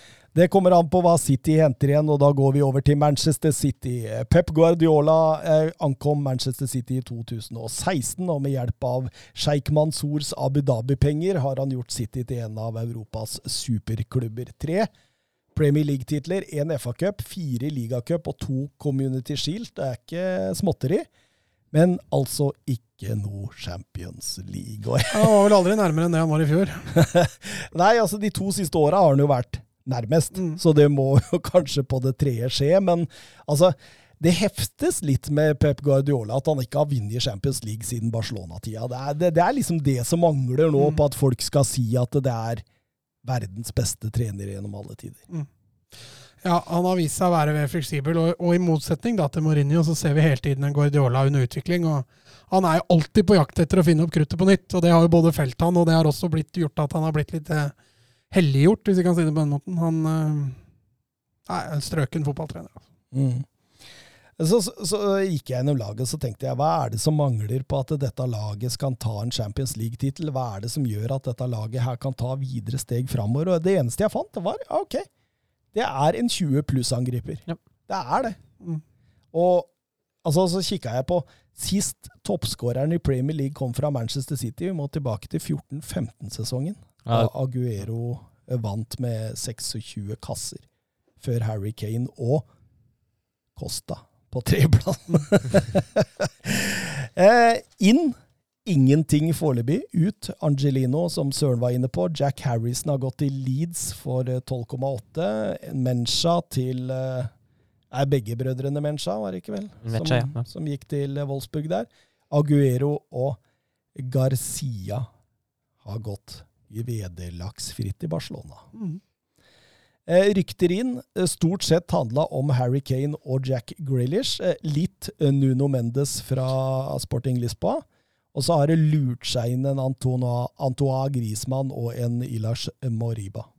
Det er liksom de som Altså, det er veldig lite rykter inn, altså. Ja, og det, men det, det har jo sammenheng med akkurat det du er inne på, at det laget det er jo det er jo fantastisk. Men jeg skjønner jo også Mendes for de venstre bekken. Den dekningen da, den er ikke helt 100 den heller. altså. Nevnte du de brasilianerne inn? Eh, nei, jeg nevnte ikke de inn. De er, går rett inn i U23-laget. Ehm, Sandra HJ på Twitter. eh, Er det lov å være redd for Grealish nå, spør hun. Ja, det er lov. Eh, men jeg kjenner Jeg har ikke lest noe sånn der håndfast sånn at oi, dette kan fort skje-rykter. Nei. Så jeg har liksom ikke helt troa på at den går gjennom. Ikke foreløpig, i hvert fall. Og så Samtidig så tror jeg altså Aston Villa har jo gått fra å være et Aston Villa som ja, øh, så, så, som nærmest fortjent rykka ned, til Aston Villa som satser litt nå. Nå går det Nå er det Boendia, det snakkes store spillere faktisk inn. Det satses litt der, og det kan godt hende han tenker litt Har Harry Kane. Har lyst til å være med på det. Ja, ok, vi prøver et år til og ser. Sånn som Harry Kane tenkte åpenbart når Mourinho tok over. Um, så jeg, er ikke helt sikker på at selv om et bud skulle bli akseptert, at han hadde gått nå. Nei, og så tror jeg jo Jeg tror jo kanskje City prioriterer spiss først. Mm. Jeg tror jo det, egentlig. Og du har vært inne på at nå ryktes det jo ny trøbbel med Financial Fair Play. Ja. Og da er jo det et spørsmål, ja. Ja, det blir spennende å se det greiene der. Så Satt jeg her i forrige episode og hardnakka for at de ikke det er en ny sak, det er ikke den samme gamle? det er vel nye beviser i form av Mm. noen e-poster nå, som eh, i forhold til den sa samme saken, jo. Kan, Altså, jeg håper jo innerst inne at den blir straffa. Ja. Sånn at du satt her og hardnakka tok feil, På at, eh, jo, jo, men enn så lenge så har jeg jo rett. til du har feil. Til fordi jeg det, har fordi feil, ja. det kommer garantert å komme en eller annen eh, snart. Fordi ingen av de klubbene så, har blitt straffa for Financial Fair Play på en så kraftig måte at det har svidd. Nei. Eh, Nei, absolutt ikke. Men, men hadde de hatt nok beviser, så kunne det nok svidd for Manchester City. ja, De ble jo først dømt to år ut av Champions League, så de Mm. fikk jo egentlig smekk, men så kom de seg jo inn igjen. da. Og det er jo fordi Uefa har doble hensikter bak det. Men, eh, men eh, litt gjennom troppen, da, så er jo den bunnsolid. eh, Nedersen i mål eh, har grei dekning bak der, også med en Zack Steffen, blant annet. Eh, Høyre kant Kyle Walker og Cancelo, det kan jo knapt nok være bedre. Nei. Cancelo, hvis han finner igjen formen han hadde i vinter. Ja, absolutt. Nå spilte han jo ikke EM engang, så nå, han er jo frisk og uthvilt. Eh, Venstrebekk eh, Zinchenko og Benjamin Mendy. En, en Benjamin Mendy som Ja, hva kan vi si? Altså, Hvem var det som pissa på han i Det var mot Chelsea. Var det Reece James? Mm. Det var det. Eh, som hadde Benjamin Mendy langt ned i lomma. Altså. Eh, men det er også en plass jeg tenker på at City kan forsterke. Det er, det, Fordi Benjamin Mendy er mye skada òg. mm. Og Zinchenko er jo ikke Han er jo egentlig ikke en venstrebekk. Nei, han er egentlig ikke det. Eh, Benjamin Mendy har spilt 58 kamper for Manchester City siden eh, 20, 2017, da han. Eh, 7, 10, 19 og 13 Premier League-starter på de fire åra. Det er ikke voldsomt. altså. Stopperplassen, godt besatt. Eh, Diaz, Laporte, Stones og Ake, eller Ake. Eh, strålende eh, firer, det der. Det har vel vært litt rykter på Laporte. Det har vært litt lykte på Laporte, det har det. Men uh, ikke noe konkret foreløpig. Uh, de har også i bakhånd eh, Philip Sandler fra, fra Nederland. Og så har de et stort, stort talent i Luke Mbet Tabo. En eh, 17-åring, altså 2003-modell, som ble kalt opp mye mot slutten av fjorårssesongen. Eh, Sentralt i banen, de gir, gir Fernandinho en ny kontrakt, eh, ett år til. Eh, Han spiller vel bare hver tredje kamp, da. ja, og, men, men de tviholder på dette, så det er åpenbart at eh, Pep Guardiola han stoler ikke helt på Rodri. Nei, altså, men så har det jo sikkert noe med at Fernandinho Han er vel en viktig faktor generelt i laget og i garderoben, kan jeg tenke meg. Med tanke på hele den erfaringen og typen han er. Ja, Så slipper man jo å komme seg ut på overgangsmarkedet da, for å hente inn en backup til Rodrigo. Ja, nå har de jo eh, fått tilbake Jangel Herrera. Får vi se om han Fra Granada. Ja, jeg tror vel han er et stykke unna det laget der. Ja. Eh, Indreløpere, Gundogan, Kevin De Brøne. Kevin De Brøne runda 30 i, under EM. Mm. Wolfsburg gratulerte han på Facebook og Twitter, så jeg. Eh, Bernardo Silva, Phil Foden, og så har de et par unggutter i Tommy Doyle og James McAtee. Eh, McAtee eh, sies å være en, eh, en 2002-modell som eh, Pep Guardiola er veldig, veldig opptatt av. At det er veldig god i trengte situasjoner på siste tredelen. og Han har lyst til å få ham fram der. En Tommy Doyle som kan ta Phil Foden-stega, men, men det må snart gjøres, på en måte. De har venta litt på han. Er ikke det sønnen til en City-legende? Jo, det stemmer det. det, stemmer det. Eh, Høyrekant, eh, Riyad Mahrez og Ferran Torres, det er jo mer enn godt nok. Eh, Riyad Mahrez forhandler vel også om ny kontrakt eh, as we speak. Til venstre Raheem Sterling, også en spiller som har vært linka litt ut, i forbindelse i hvert fall med Kane-jakta. Så får vi se hva det ender med der, men det er åpenbart at eh, den der uvinnelige tilliten Guardiola hadde til Stirling, den er ikke der lenger. Nei, Men så så du litt i EM nå hva Stirling kan nå, da. Ja, At han kan også komme litt underfra, men eh, jeg er enig med deg. Han har prioritert eh, Foden, eh, Bernardo Silva, Mares før, og Ferran Torres før Stirling i flere av de siste kampene. Mm. Og angrepsrekka den er ikke stor. Den er en Gabriel Jesus, og det er en Liam Dilap, en 2003-modell, som blir tatt opp nå. En stor angriper. Årets spiller i Premier League 2 eh, sist sesong, med 24 kasser. Eh, Guardiola lova han eh, plass i troppen, og han Altså, han har så stor standing i klubben og, og blant supportere at det er flere supportere som mener at det bare er avblåst den Kane-jakta, og så satser vi på han. Såpass, ja. Eh, men det er supportermeninger. Ja, ja. eh, det er klart det at Guardiola har vel sikkert litt bedre kontroll, men en veldig, veldig spennende spiller. Som det går an å, å se opp for eh, i kommende åra. Eh, hva tror vi om City? En, ja Gullfavoritten i meg. altså Kommer Kondé og Haaland, som vi snakka om, så blir det mer og mer tvil. Eh, men jeg tror ikke Liverpool greier å utfordre dem i år. Eh, så blir det spennende å se med Chelsea. Ja, er jeg enig med Mats. Og jeg tror, altså, som, som sagt, man må jo også avvente hva City eventuelt gjør på overgangsmarkedet. Mm. Men det blir en sånn four horse race her mellom Manchester-klubbene Liverpool og Chelsea. Jeg vet ikke, jeg tror kanskje det blir mer enn to og to. Jeg ser Chelsea og City et hakk foran United og Liverpool. Du gjør det, Ja. Ja, ja takk. ja, du er enig? nei da, det er ikke så viktig. Men mm, Ja, jeg er for så vidt enig med deg. Et, et lite hakk nå her. Eh, det var det. Eh, over til bekrefta overganger. Eh, vi har jo nevnt noen før. En Brian Gill og Erik Lamela som bytter Tottenham og Sevilla. Pierluigi Golini kom inn som keeper i Tottenham. Hva tenker dere om det? Jeg tenker at han kommer til å være backup. Ja, denne sesongen. Mm. Men han har også en opsjon på kjøp, og den opsjonen trigges også hvis han spiller 20 kamper for Tottenham. Men tror du han er der at han kan overta for Loris? Det tror ikke jeg. Det er veldig vanskelig å si as we speak, men Nei, Du har jo sett han litt i fjor og forfjor. Men jeg tenker altså det er jo egentlig perfekt for tidligere keeperen Nuno Spirito Santo. At han nå henter, henter seg en keeper som nå første sesong kan være en backup. Og så ser han fra på nært hold fra trening, kanskje noen kamper i diverse cup, uh, hvor god han egentlig er. Ja. Og kan da bestemme er han god nok. Kan han overta, eller ikke. Han kommer jo til, eh, til Tottenham med et godt rykte fra Italia. Han gjør jo det, og det var jo åpenbart eh, en av grunnene til at Atalanta kjøpte Mosso, var jo også at Golini sa at vet du hva, jeg har lyst til å, å dra videre. Ellers så hadde sannsynligvis ikke Atalanta kjøpt eh, Mosso, så dette var en plan. Jeg har jo tidligere vært i, i England.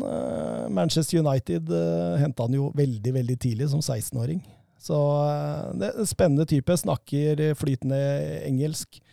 Og har åpenbart et mål om å komme dit, lære av jurist, som han sier, og så eventuelt ta plassen når Joris drar til Frankrike etter endt kontrakt, som er neste år.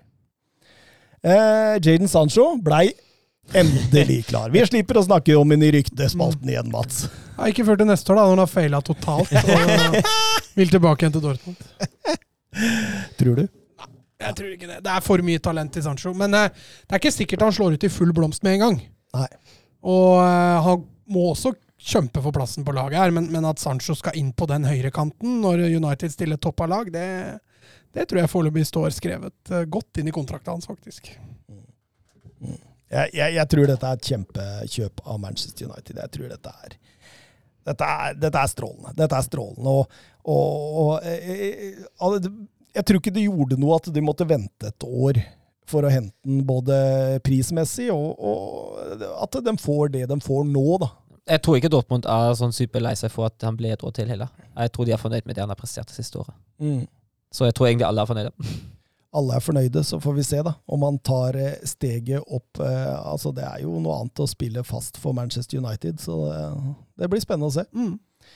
Eh, Leverkosen har henta seg stopperesøren til eh, faktisk 23 millioner euro. Da snakker vi Odilon eh, Kosono Ja. fra, fra Brygge. Kommer med gode, veldig veldig gode referanser fra Brygge. Skal visstnok være et kjempetalent. Mm. Så det er jo veldig ung fortsatt. Så det blir veldig interessant å se. Stor, rask, mm. fysisk sterk eh, stopper. Litt sånn eh, Ja, det, altså Jeg har ikke sett veldig mye av han, men det lille jeg har sett, så tenker jeg liksom sånn at eh, dette er sånn Opa Mekona og Light, mm. liksom. Ja. Og Kan, kan ta, kan fort hende å ta en lignende utvikling. Mm. Eh, John Cordoba gikk fra Mm. eh, Hertha Berlin til Krasjnodar for 20 millioner. Ja, altså. det var en god deal for Hertha med tanke på, med tanke på salg. Eh, kommer selvfølgelig til å savne, savne han som eh, spiss. Han har jo tilført til laget kvalitet, for all del. Men eh, økonomisk var det for eh, godt tilbud til å kunne takke nei til det. Mm. Kristoffer Ayer, klar for Brentford. Newcastle ville ha han, men klarte ikke å, å bla opp nok. Det gjorde Brentford, Mats.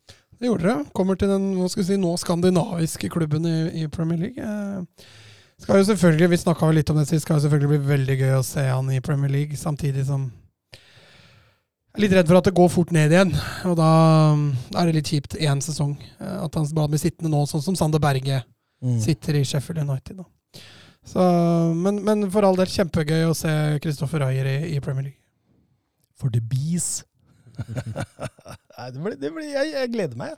Eh, det blir spennende å se hvordan han tar nivået. Jeg har sett litt sånn delte meninger eh, om dette her. Det er jo noen som eh, mener at han har ikke nivået inne. Og så er det andre som eh, mener at eh, vet du hva, han er altfor god for Celtic. Han fortjener å Men gå nå får vi jo heldigvis svar på det. da. Mm. Eh, han måtte jo komme seg ut av den skotske ligaen. Synd at han forlater Celtic, men ja.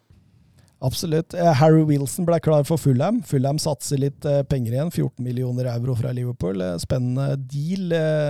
Mario Lemina eh, ble henta som vaktbikkja til Galtier i NIS. Mm. Toby Alderweireld forlater Tottenham, går til Qatar, til Al Duhail. Oi. Det er ikke for penga, det. Det må jo være for det sportslige, regner jeg med. ja, han, han så endelig en mulighet for å vinne noe. Nå kan han vinne, nå kan han vinne en stor tittel der nede. Det høres jo veldig forlokkende ut. Jeg skjønner jo det. Det er sikkert en 100% prestasjonsbasert kontrakt. Jeg tror ikke han eh, Han tjener ikke kroner hvis han ikke spiller, han. ikke. Bare ute etter silverware nå. Eh, Daniel Malen, klar for Dortmund, Søren. Ja, det tok jo en uke, det nå. Mm. uh, men uh, Ja, det gikk jo 24 timer etter Sancho var klar. Så Ja, det gjorde det. Men det var, det var litt, det var litt, uh, litt stopp i de forhandlingene også, i, etter at vi hadde den forrige episoden. Men Prosit. Takk. Eh, Ja, Gesundheit er er han sier, ja. men nå, nå blir han klar, og det er en god forsterkning for Dortmund. Mm. Og så, som Mats nevnte i stad, så er Varan klar for Manchester United. Ja. Og da får vi et spørsmål fra Supersub Sivert. Eh, Tror dere Varan vil være en av de beste stopperne i ligaen neste sesong, eller tror dere Ramos var mye av grunnen til at Varan gjorde det så bra for noen år siden? Altså, det er faktisk veldig interessant å tenke på. For vi skal ikke mer enn et år tilbake før han aleine sendte eh, Real Madrid ut av Champions League. Du tenker mot City? Ja, når han tabber seg ut to ganger der. Eh, så det skal bli veldig artig å se Varan. At han har råmateriale til å bli Kall det en van Dijk, da. Ja. Det er det ingen tvil om. Men han har også anliggende til å surre det til. Altså, jeg, har, jeg har alltid hatt litt inntrykk av Varan at han trenger en sånn sjef ved siden av altså, seg. ja, det får, det får han jo ja, det er akkurat det. er akkurat det. Han får det jo i Maguire, og jeg tror om det er Ramos eller Maguire som spiller ved siden av ham, det spiller ikke så mye rolle så lenge han har en sjef ved siden av seg og slipper å være sjef sjøl. Mm. Mm. Ja, jeg, jeg, jeg, tror- jeg vet hva. Varan og Maguire. Det er Det er sterk, altså. Skal du skryte av Maguire nå? For, Ja, ja. Absolutt. har, har, du, har du snudd litt? Nei, jeg mener fortsatt at han ikke er verdt 80. Du, de får jo Varan for er det halvparten? 50. Ja, 50. 50 ja. Eh, og jeg mener jo at Maguire ikke er noe Virgil van Dijk, men eh, jeg har latt meg imponere. Han har, han har blitt en veldig viktig brikke Ja. i det laget der. Det er det ingen tvil om. Helt klart. Og så gjør han noen feil innimellom, men det, det gjør vel de Ja. fleste. Og så er det noen sånne artige bilder av Maguire når han surrer. Det er det, er det morsomme. Det er litt sånn Phil Jones light innimellom. Eh, Jørgen B. Ready Nystuen på Twitter. Han vil ha en, eh, en 11 i 4-4-2 av de beste overgangene i sommer. Ja. Begynner med keepera, da. Donnaroma. Roma, den er safe. Null kroner. Nei, Golini, kan ikke ta inn han, da? Nei, men det har jo vært noen Eh, gode keepere. Eh, Kobel, Manja. Jo, men her, når du snakker gode overganger, så snakker du pris også. vi må, må jo gjøre det. Ja. Vi må jo gjøre det. Altså hvem vi tror kommer til å slå gjennom, samtidig som de er henta for en rimelig penge. liksom. Ja, det tenker jeg. Så da spiker vi også Ramos på stopperen. Ja, men der, der er det jæklig mange. Vi, vi, vi kan begynne på høyrebekken. Eh, Hakimi er jo soleklar der. Enig. Jeg tror det blir strålende. I hvert fall hvis den spiller med som wingback, så er jeg litt mer usikker igjen. Hvis den spiller med en rein firer. Ja, Vi får se med Dumfries, da. Ja, Hvis han ender opp med å gå til Inter, så kan det også bli For 13-15 Ja. millioner, så er det plutselig ja, ja, en konkurrent. Ja. Absolutt. Eh, på stoppeplassen der er det jo så mye å ta. Der er eh, Du har eh, Oppa Mekano Konaté, selvfølgelig. Du har en Ramos og en Alaba, hvis vi Jeg har ikke Alaba, Alaba ut på venstre, faktisk. Ja, det går an, det.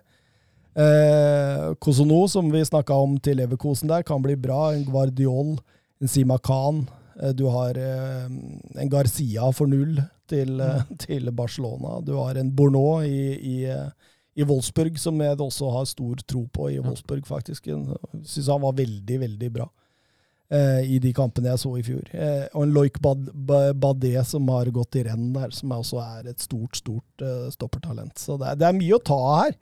Men det er jo fristende å gå for de gratis, da. Det der Ramos, eh, Garcia, Garcia. og Alaba på venstrebekk. Ja, jeg stemmer på den. Ja, Ja, for det er, jo, det er jo Da har du brukt knapt nok en krone, og så har du en strålende, strålende firer bak der. Ja.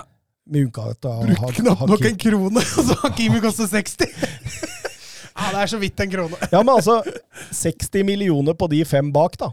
Ja. På en Donnarumma, Hakimi, eh, Ramos, eh, Alaba og Garcia. Mm. Det er, jo, det er jo god handling. Det er en god deal. Eh, høyre kant, Buendia 38, Calvin Stengs 15 og Jaden Sancho 85. Her får vi jo litt forskjellige grader. Jeg har skip, skip, eh, jeg har skippa Sancho over på venstre og tatt Boendia på høyre. For min egen elver. Jeg er også litt keen på å ha en Buendia. Eh, Jeg tror også det kan bli Ja, han er dyr, da. kul, ja, men det er en kul overgang. ja. Det er samme som Sancho. Det er en kul Mm. overgang. Ja. Um, Tengs Fortsatt altfor ubeskrevet blad, vet du. Men jeg er enig, det kan jo bli en klasseovergang. da. Og det samme med Brahim Gill. Mm. Brahim Gill. Ja, jeg er enig. Og han også, men han er jo vanskelig å bedømme verdien, da, i og med at Lamela gikk andre veien. Ja, men eh, jeg tror Lamela kosta ikke mye av den summen der, tror jeg. Det var jo snakk om at Arsenal eh, fikk beskjed av Sevilla for tre måneder siden at hvis de skulle hente Gill, så ville den koste 90. Mm. Så, så jeg tror ikke Lamela Det var en de slang på, tror jeg. Men kosta han 90 for Gill? Ja, de, eh, Sevilla hadde gitt Arsenal beskjed om at hvis dere skal hente han, så må dere i hvert fall ut med 90. Ja, og, og Arsenal henta han nå for, for 25? Nei, Tottenham? Ja. Da må jo Lamela være Søren, mye er Lamela da? da er Lamela 65. 65! 65 er Lamela da. Så det er ganske mye. Nei, men poenget mitt da, det er det at jeg tror eh, Sevilla har gått en annen bane da enn det de ba Arsenal om her tidligere. men, men det er litt vanskelig, for jeg, altså Philip Andersson òg, for tre millioner. Han kommer til å gjøre det bra i Italia, tro meg. Ja, liksom. det er jeg ikke i tvil om. Ikke like kul, Nei, ikke like kul. og ikke like Men da, det, det står jo med om Buendia, Stengs, Sancho, Grill og, og Philip Andersson. Jeg er enig med Søren. Jeg går for Sancho og Bondia. Det er mer sexy. Ja. Selv om det koster litt. Den er grei. Sentral midtbane. Eh, lett å gå for Vinaldum og Sjanaloglu, som er fri. Eh, Ja. Transfers. Men eh, du har også Danilo til 16, en eh, McKenny til eh, 20,5 til Juventus fra Schalke. Du har en, en Somaré for 20 til, eh, til Leicester. Du har eh, Rodrigo de Paul, som eh, kan jo bli klasse i La Liga. Ja, den er også litt vrien. Vinaldum kan vi vel kanskje spikre, eller? Ja, jeg er helt enig. Vinaldum kan vi spikre. Så har jeg faktisk gått for det på, men jeg kan fint være med på Shalanolo. Ja, men jeg tenker Somari. Ja, jeg også. Ja. Det var også den, jeg er enig med deg der. Jeg tror det er strålende. Helt Kjører. Vinaldum og Somari. Passer fint òg. Den er fin balansert midtbane. Eh, angripere, det er ikke henta så mye av dem. Jeg fant eh, Patson Daka til Leeds for 30. Jeg fant Andres Leeds? Nei, til Leicester. Godt du henger med, Mats. Eh, André Silva får 23 til eh, Leipzig, og så har du eh, disse free transferene til Barcelona. Det er Aguero og Depay. Depay. Aguero tror jeg ikke vi skal ta inn på. Nei, Depay. Depay. Depay, Depay bør vi spikre. Og så har jeg faktisk tatt inn Silva med tanke på hvilket behov han dekker i det Leipzig-laget. At han virkelig er en sånn brikke som det laget har trengt i et år. ja, Mm. så du tar ikke med matcha, altså? Nei, jeg Gjør ikke det. Matcha er jo tiltenkt en litt annen rolle. ja, for han kunne spille flere roller. Eh, nei, men altså jeg, altså, jeg ser ham jo egentlig mest som et alternativ til uh, Veros, som er, er en litt annen spillertype enn uh, en den toppspissen vi har der. Mm. Nei, men da Jeg kan gå for den, jeg. Ja, ja. Daka hadde jo også vært interessant å ha inn. Men. Nei, men da blir det Donnaroma, Hakimi, det blir eh, Ramos og Garcia, det blir Alaba på venstre bekk. eh, Det blir eh, da kantene med Buendia og Sancho. Det blir Vinaldum og Somaré inn sentralt, og så blir det eh, Depay og André Silva. Det er et bra fotballag! Definitivt. Og det vinner tippeligaen, dem. Em, Roma ønsker seg Clama Langlet. Ja, jeg har ikke noe tro på det ryktet der, egentlig. Men eh, det er riktig. Jeg har lest det. Mm. Du har ikke Jeg, jeg krysser jo fingra, selvfølgelig, men ja. Han kunne gjort det bra, han i Roma. ja, ja, definitivt. Har vel vært nærmere pilsen med Sør nå, tror jeg. Jørgen B. Reddy Newstun på Twitter. Eh, Joakim Andersen til Palace, og så har han sånne overraskelses-emoji. Eh, ja, det ser eh, nære ut. Da kan de sitte med et stoppepar med Guhei og Andersen. Andersen. Det er lenge siden de har hatt på Sellers Park. Hva er ryktet på prisen her, da? Mellom 20 og 25. Ja, Det er i så fall kanonbra. Jeg tror det er strålende deal. Hvorfor har ikke Tottenham eh, Det virker ikke så Det virker som eh, Andersen eh, Linken har eh, falma litt. Altså. Det virker som at eh, Ja, Men 25 er jo gull da, for Tottenham. mm, Det virker som om de skal ha Christian Romero for 40. At det er det som er førstevalget, i hvert fall. Og så altså, Det blir spekulert i mye stopper i Tottenham nå. Altså, det er helt spinnvilt. Du har eh, Kaleta Kar. Eh, Blir det spekulert i. Eh, Milenkovic, eh, Tomiyasu, Kurt Kurtzoma er andre alternativer. Så det, det er det, er, vil du, altså Andersen vil du heller ha òg? Enn samtlige av de som nevnes der nå? Eh, Ikke en Christian Romero. Du vil heller ha han? Ja, det er favoritten eh, av de. Eh, men Andersen er en god nummer to, altså. Irriterer meg litt at hvis han går sånn Gå for, gå for 25 til Palace. Ja, absolutt. Altså Basert på den sesongen han hadde i fjor, så er det jo flere som bør kjenne sin besøkelsestid for den prisen der. Vel? Ja, helt klart. helt klart. Eh, Petter Støvland spør på Twitter skal eh, Nuno Espirito Santo bytte ut hele stallen, eller? I hvert fall det defensive virker det som han har bestemt seg. Har Aurier forsvunnet igjen nå, eller? Nei, ikke enda, men eh, de eh, vil lytte til bud. Men er det ikke litt sånn eh, det som du ønsket litt, da, Thomas? Eh, Du, vi har, vi, jeg husker vi hadde en episode der du gikk gjennom hva du ønsket skulle bli og skulle gå. Det var jo en god del som skulle ut. Ja, og det virker jo som så, Sånn jeg eh, leser eh, terrenget nå, da, så er det jo, eh, så er det jo Kane, Son, Lo Celso, Ndombele, Regulon, Ali og, og Skip Og Høibjerg. og Høibjerg. Det er de som liksom er Ikke Dockerty, altså? Eh, Du leser litt uh, varierte om han òg, men jeg, jeg vil jo tro han får, får en sesong til på seg, spesielt når gamletreneren har kommet. For de får ikke bytta ut hele stallen sin i år. Nei, de gjør ikke det, men jeg tror han eh, Paratisi er på god vei til, til å gjøre det. Altså. Det blir spennende. Men dette er jo en opprydning både Porcetino og til dels også Mourinho begynte på, men altså, så, som har vært litt etterlengta. Da. Mm. Det har jo vært eh, spillere der nå som har vært der i mange, mange, mange år. Så, så, så, jeg tror ikke dette er så dumt, men det spørs jo helt hva de får inn. da. Men det ser ut som for meg nå at Paratisi er en, eh, er en, en god sportsdirektør som virkelig kan gjøre gode dealer. Det, det, det virker jo sånn.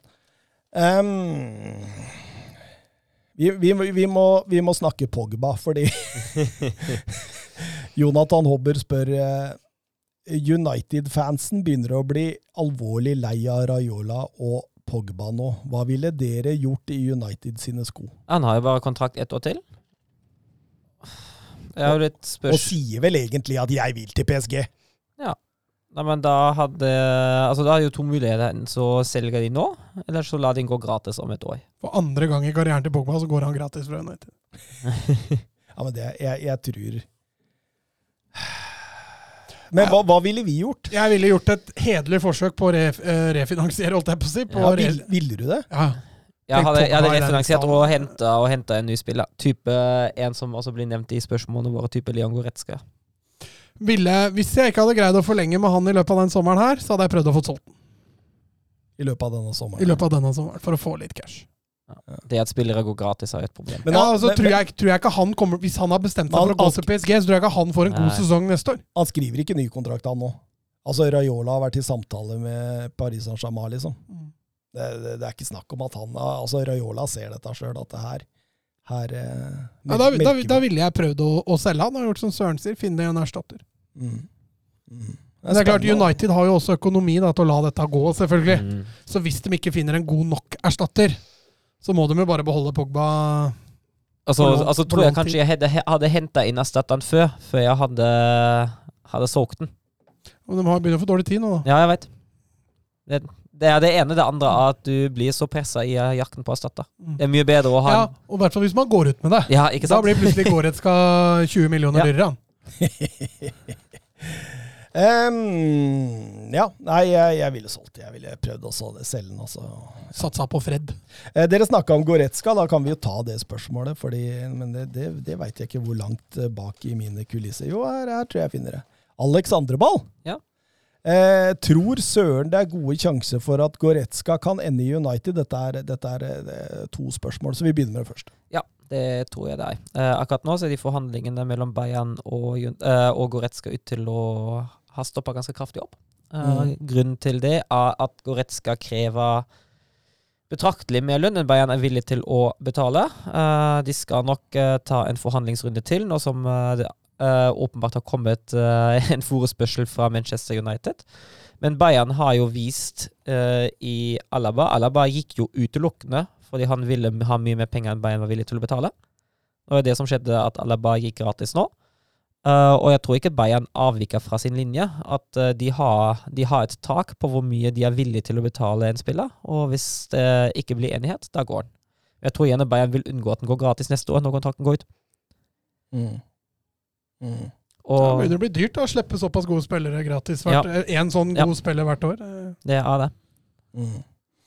Eh, Alexandre Ball spør videre hvordan tror dere eventuelt Pogba og Goretzka ville gjort det sammen. Eh, Er det nok balanse der med Maguire og Varan bak, eller eh, er det smartere å reite, hente en rein DM? Jeg føler jo at Goretzka heller er en erstatter for Pogba. Mm. enn at den går sammen. Jeg føler at uh, det blir for et utsatt mellomrommet foran forsvaret deg, uh, hvis du har både Goretzka og, og Pogba. Det, For Goretzka liker å stikke. ja, han gjør det. Altså, han, har, han kan jo ta den litt mer defensive parten, men det er ikke der han er best. Ja, For det er en Kimmich som har gjort Ja. det ofte. Ja, det er akkurat det. Han har jo spilt litt med Holden. Goretzka har, har gjort det i noen få kamper, at han har vært litt mer dyp. uh, men det er jo klart det er lettere å, å gjøre det når Bayern møter møter, Mainz. møter Bielefeld eller Mainz, uh, enn når United plutselig møter Leicester eller Everton. Mm. Uh, så nei, jeg føler at uh, Goretzka kan veldig fint gå inn i United og erstatte Pogba. Men jeg føler ikke at den er en, eh, at den er en dyptliggende, altså. Men, men Christian Falk, han nevnte Det er jo noen sports, Ja, rykteguruen i Ja, veldig, veldig god kilde når det kommer til Bayern. mm. Men han sier det at hvis jeg forsto det riktig, at Manchester United har tilbudt han en kontrakt. Men er det lov? Nei, det er egentlig ikke lov. Det Nei, de ikke har lov. ikke lov å gjøre det før etter 1. januar. Nei, de, eller, altså, de har jo lov for å gjøre det hvis de spør klubben av det greit. Men jeg kan ikke se for meg at Bayern som sitter i lønnsforhandlinger med skal syns at dette er sånn helt innafor. Du veit aldri hva han Salihamidzic Nei, det er for så vidt sant. Men, men har de lov å, å gi beskjed muntlig? At kommer du til oss, så får du lov å tjene det? Da? Usikker på hvor de reglene er. Men de har Det vel er klart, ikke det får de aldri spore av, da. Nei, men, det er eh, akkurat det. Men de får vel ikke lov å gi et, uh, gi et konkret tilbud, nei. Det er sikkert doble summen av hva Bayern Helt sikkert. Helt sikkert. Men uh, altså vanskelig, vanskelig å etterforfølge det, da. Ja, det er jo det. Men det er, det er veldig spennende å se hva som skjer der. Altså. Mm, Goretzka ville jo passa som Ja. fot i hose på Old Trafford. Fot i mose. Fot i hose. Fot i hose, ja. Hva er hose? Søren, Ho, hose, og det er bokse, da? Bukse, da? er det buk Jeg veit ikke, hvis hose min, tenker du på H, altså H-O-S-E? Men fot i bukse? Jeg vet Det høres veldig rart ut. Hose, jeg vet ikke. Hvis, hvis, det, hvis det er Hvis det, ikke, du, hvis ikke du har funnet en revolusjonerende måte å få på deg buksa men buksa da burde det hett eh, fot i gamasje eller noe sånt. hvis det er, hvis det er norsk òg, vet jeg ikke hva hose er. Men Nei, det, vi, vi må google hose. på tysk er hose bukse. Skal vi se. Ja, Men du sier ikke 'der fotish in der hos, hos, Nei, du sier ikke det. uh, fot i hose. Fremdeles brukt. Skal vi se her. Eh, ja, som å tre en fot ned i en strømpe. Strømpe, ja. Så det var strømpe, ikke bukse, Mats. Håper strømpa passer, da. Eh, Manchester Evening News de melder at uh, møtet mellom Kamavinga og Manchester United det var ikke kjærlighet ved første blikk. Uh, Kamavinga er mer interessert i å gå til en av de to største i La Liga, så da må han jo vente en stund. Ja, Enten til kontrakta går ut, da, eller at en av dem vinner i Lotto. Hva tenker du, Søren? Det, det, det, er gode nyheter for Renn-fansen. Ja, det er det definitivt. Fordi at, som at si at en av de to da kan betale en overgang til et av de største talentene i Frankrike, det ser jeg ikke. Nei, ikke nå. Nei, det kommer ikke på tall. Eh, de store overgangene framover, det, altså det kommer til å være så lite La Liga framover. Jeg har hørt du sier det. altså det er England og kanskje Bayern. PSG. Det er noen tyske lag som har flaksa med noe eurosedler. Ja, men det er jo gjerne de som har tatt inn eurosedler ved salg òg. Det er jo det er sånn Bundesliga som regel finansierer seg. Og det, det som er jo greia, altså, det som, eh, som Barcelona og Real driver med, å ha eh, gjeld og attergjeld, gjeld, det går ikke i Tyskland, for da mister du faktisk lisensen, og så blir du tvangsnedrykka. Så det, det er sånn, det er, altså, I Norge får de jo poengtrekk for eh, hvis økonomien er ikke i orden. Det samme skjer i Tyskland. Hvis økonomien er altfor ille, da er det rett ned. Tre ganger i rød sone, er det det i Norge? Ja. Så ryker du. Å, deilig. Aston Villa skal ifølge flere rapporter være interessert i Leverkosens Leon Bailey. Bud på 30 millioner pund skal allerede blitt avslått. Det venter ikke Barkley, altså. Nei, Barkley tror jeg nok eh, Han starta jo bra. Ja. Men det er jo den tierrollen, da. mm. For da, jeg vet Men ikke der du- kan du putte Grealish, og så kan du kjøre kan putte Be- Bundia der òg. Ja, og så kan du kjøre Bay, Bay, Bailey, Leon Bailey ut uh, venstre. Det går an, det. Det er jo en, eh, Ja, mangler kanskje én spiller i den fronttrioen der. På sitt beste er han jo helt fantastisk. Det er jo litt den stabiliteten som uh... Men Aston Villa er virkelig et Ja. lag nå som uh, bygger eh, stein på stein, altså. Mangler bare en Birger Meling på venstrebekken der. da, Så. Så de mista assist-treneren sin, eh, John Terry? Ja. Hvor gikk han da? Swansea.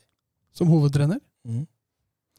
Spennende. Eh, Football Insider melder at Nagelsmann skal gjøre et forsøk på å hente sin gamle elev Timo Werner.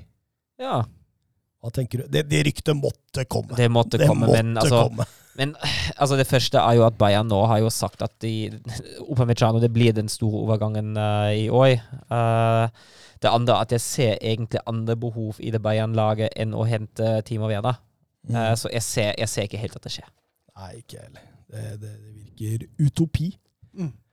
Um, Westham lykkes stort med å børste av støvet av Jesse Lingard. Nå prøver de igjen å børste støvet av ny en, fordi de er interessert i Axel, eh, Alex Oxlade Chamberlain fra Liverpool. Uh, tror, de det, tror dere de kan børste støvet av han? Der er det jo med litt mer skader da, som er utfordringen. Ja, Han har jo vært skada men du må fortsatt børste støv. Selv om det er skada eller satt ut av laget, så må du børste støv. Jo, men, men han kunne vært mye lenger framme, hadde det ikke vært for skadene. Ja, ja. Jo, jo. Men han, han, er, han er jo en strålende fotballspiller. Ja, men Jesse Lingard han var jo bare ikke god nok eller i formen nok til å spille for United. Så han fikk jo bare den boosten. Eh, Med, med Chamberlain så må du jo også faktisk sørge for å holde den skadefri. Mm. For eh, det kan ikke bare slippe løs han, tror jeg. Da er han jo på sykestua før hun rekker å si eplekake. Se Søren gråter. Han syns dette var trist. Nei, jeg gråter ikke. Ser jeg deg, plakket? Er jeg det? Er jeg nettopp gjespa, kanskje? okay. derfor? Han syns det, det er kjedelig. Men, men, men hvis de får skikk på den, da, så får de jo en ålreit Patrick Schick. Da får de jo en ålreit uh, midtbanespiller. Utvilsomt. Og en, en på- egentlig perfekt erstatter for Lingard òg. Mm. Han er liksom litt samme typen. Lingard som kommer til å bli satsa på i United nå. Ja, Med tanke på den, den halvsesongen han hadde i Westham, var jo ikke det uforståelig. Deilig, deilig. Corriere dello Sport hevder at eh, PSG ikke er ferdig med å styrke forsvaret. At uh, Kolobali Koub- skal inn Kan han spille venstreback? Eh, ikke, i hvert fall ikke wingback. Men altså, hva- hva skal de med enda en midtstopper? Det syns jeg var ganske rart, når du har Makindos, Kimpembe og Ramas, der. Ja, men Hvis du skal spille med en trio Ja, men da har de altså, de har fortsatt altså, har de jo, Du har jo noen backup og også, så jeg, jeg ser ikke det. Altså. Diallo og Det er voldsomt hvis de Ja. skal ha inn Kolobalien der òg. Ja, Men du kan tenke Markinios som sittende. da. Jo, Men nei, det virker usannsynlig, altså. Hadde har heller dekka andre posisjoner først i PSG. Venstrebekken. Venstreback. Og apropos venstrebekk, så skal, eh, så skal eh, Gasperini eh, være klar til å hente Giuseppe Pesella fra mm, Parma. Eh, 23 år i venstrebekken. Det er voldsomt mange lag som, eh, som, vi, som vi har vært innom, som har behov for venstrebekk, altså. Det er da Mats skal eh, tenke på å foreslå Grimaldo til de aller fleste Nei, jeg bare syns jeg leste Uh, rykter på Eller ikke rykter, at det var en overgang i boks. På Pesella? Ja. Eller husker jeg helt uh, feil? Det, det kan godt hende. Det kan godt hende. Det var ganske Jeg, plukka opp denne tråden i eh, går kveld, så at det kan ha skjedd noe i løpet av dagen. i, i. Giuseppe Pesella, ja. Udinese til Atalanta. Åh, Var i Parma på lån i fjor. Han er ganske bra. På, bra. Fri overgang. Fikk en gratis òg, ja. Det står fri overgang. Oi, oi, oi, oi, oi. Det så lenge ut at det var Porto som var eh, på han. Da hadde jeg rett. Jeg huska riktig. Mm, deilig. Eh, Didrik eh, Tofte Nilsen, eh, bør ikke noen som trenger stoppere se til Demiral? Vært til overs i Juventus lenge nå. Ja, Det er akkurat derfor jeg tror ikke folk er villige til å betale så mye for han. Han har liksom ikke slått gjennom. Mm. Og det har han ikke gjort siden han nærmest spilte i barndomsklubben sin. Så Nei, for de, de vil ha 35 ja, og så leste jeg at det er fryktelig mye, da. For en spiller som ikke har slått gjennom. Ja, absolutt. Eh, Dortmund er de det nevnes. Eh, De kunne jo Ja, de- kanskje trengt seg en stopper. De trenger en stopper, definitivt. Så det, og det kan jo også Var han i Bayern? Demiral? Nei. Hvem var det som var i Bayern fra Juventus på lån? Dante, nei, ikke Dante. Douglas Costa var der. Men, Ja, men er ikke i år, det var, i- Nei, var for et par år siden. Mm, mm, mm. Eh, Husker jeg så feil? For Bayern hadde jo en stopper på lån fra Juventus, hadde de ikke det? Jo, var det kanskje Nei, Var det Demiral? Nei. Ja, noen det begynner å demre litt, men det var, det var. Ja, det var ikke en voldsom suksess, husker jeg. Nei, for da hadde vi huska han. Demiral var ikke i, i Bayern. Han var i Sassolo. Var han ikke? Huska jeg så gærent, altså. Ja, ja. Nei, ja. Da trekker jeg meg på den. Hvilken Juventus-stopper har vært på utlån i Bayern München? Er det noen av lytterne som kan svare på det, så ta kontakt med Mats på Twitter. At reinegeniet.no. Benatia var i Bayern. Hvem? Benatia. Benatia er det du ja, tenker på. Ja. Med i Benatia. Ja, ja, Det var ja. ikke voldsom suksess, det heller. Nei, nei, men eh, jeg var inne på riktig. Det var mye riktig der som stemte. Takk, søren. Takk. um, Corriere dello Sport hevder også at Lazios Joaquin Correja eh, trolig vil forlate Lazio i sommer. Arsenal, Everton og Tottenham har meldt interesse. Hva tenker vi om Correja i Premier League? Eh, Altså På sitt beste så er han jo en nydelig fotballspiller. Eh, Jeg syns han varierer litt for mye. Han har ikke vært fast hele veien i Lazio heller. nei. Så mm, nei, jeg er litt blanda feelings på den, kjenner jeg. Er du enig? Ja, veldig enig. Dennis Zakaria skal ha gitt beskjed til Borussia München Glavak om at han ønsker seg vekk. 24-åringen er aktuell for Arsenal om Locatelli velger Juventus. Det, og det er jo en eh, god forsterkning for eh, Arsenal sentralt. Det Jeg Var mye skada nå. mye skada, men ellers er det jo en herlig fotballspiller. Er jo en, eh, er jo en eh, dyptliggende sentral midtbanespiller som også kan eh, bidra en god del i frispilling. Eh, jeg syns det er en upgrade fra Sjaka, mm. egentlig. Er Litt mer, du får litt mer enn en bare takling og kriging. Sjaka som trolig går til Roma. Vær med Mourinho på og På nye eventyr. få en topp fire-plassering, søren. Og et Conference League-tittel. Dortmund skal også være interessert i Domenico Berardi, som ønsker også på å finne seg noe nytt. Og da tenker jeg, da har de henta malen. Berardi kan både spille angriper, og han kan spille ut høyre.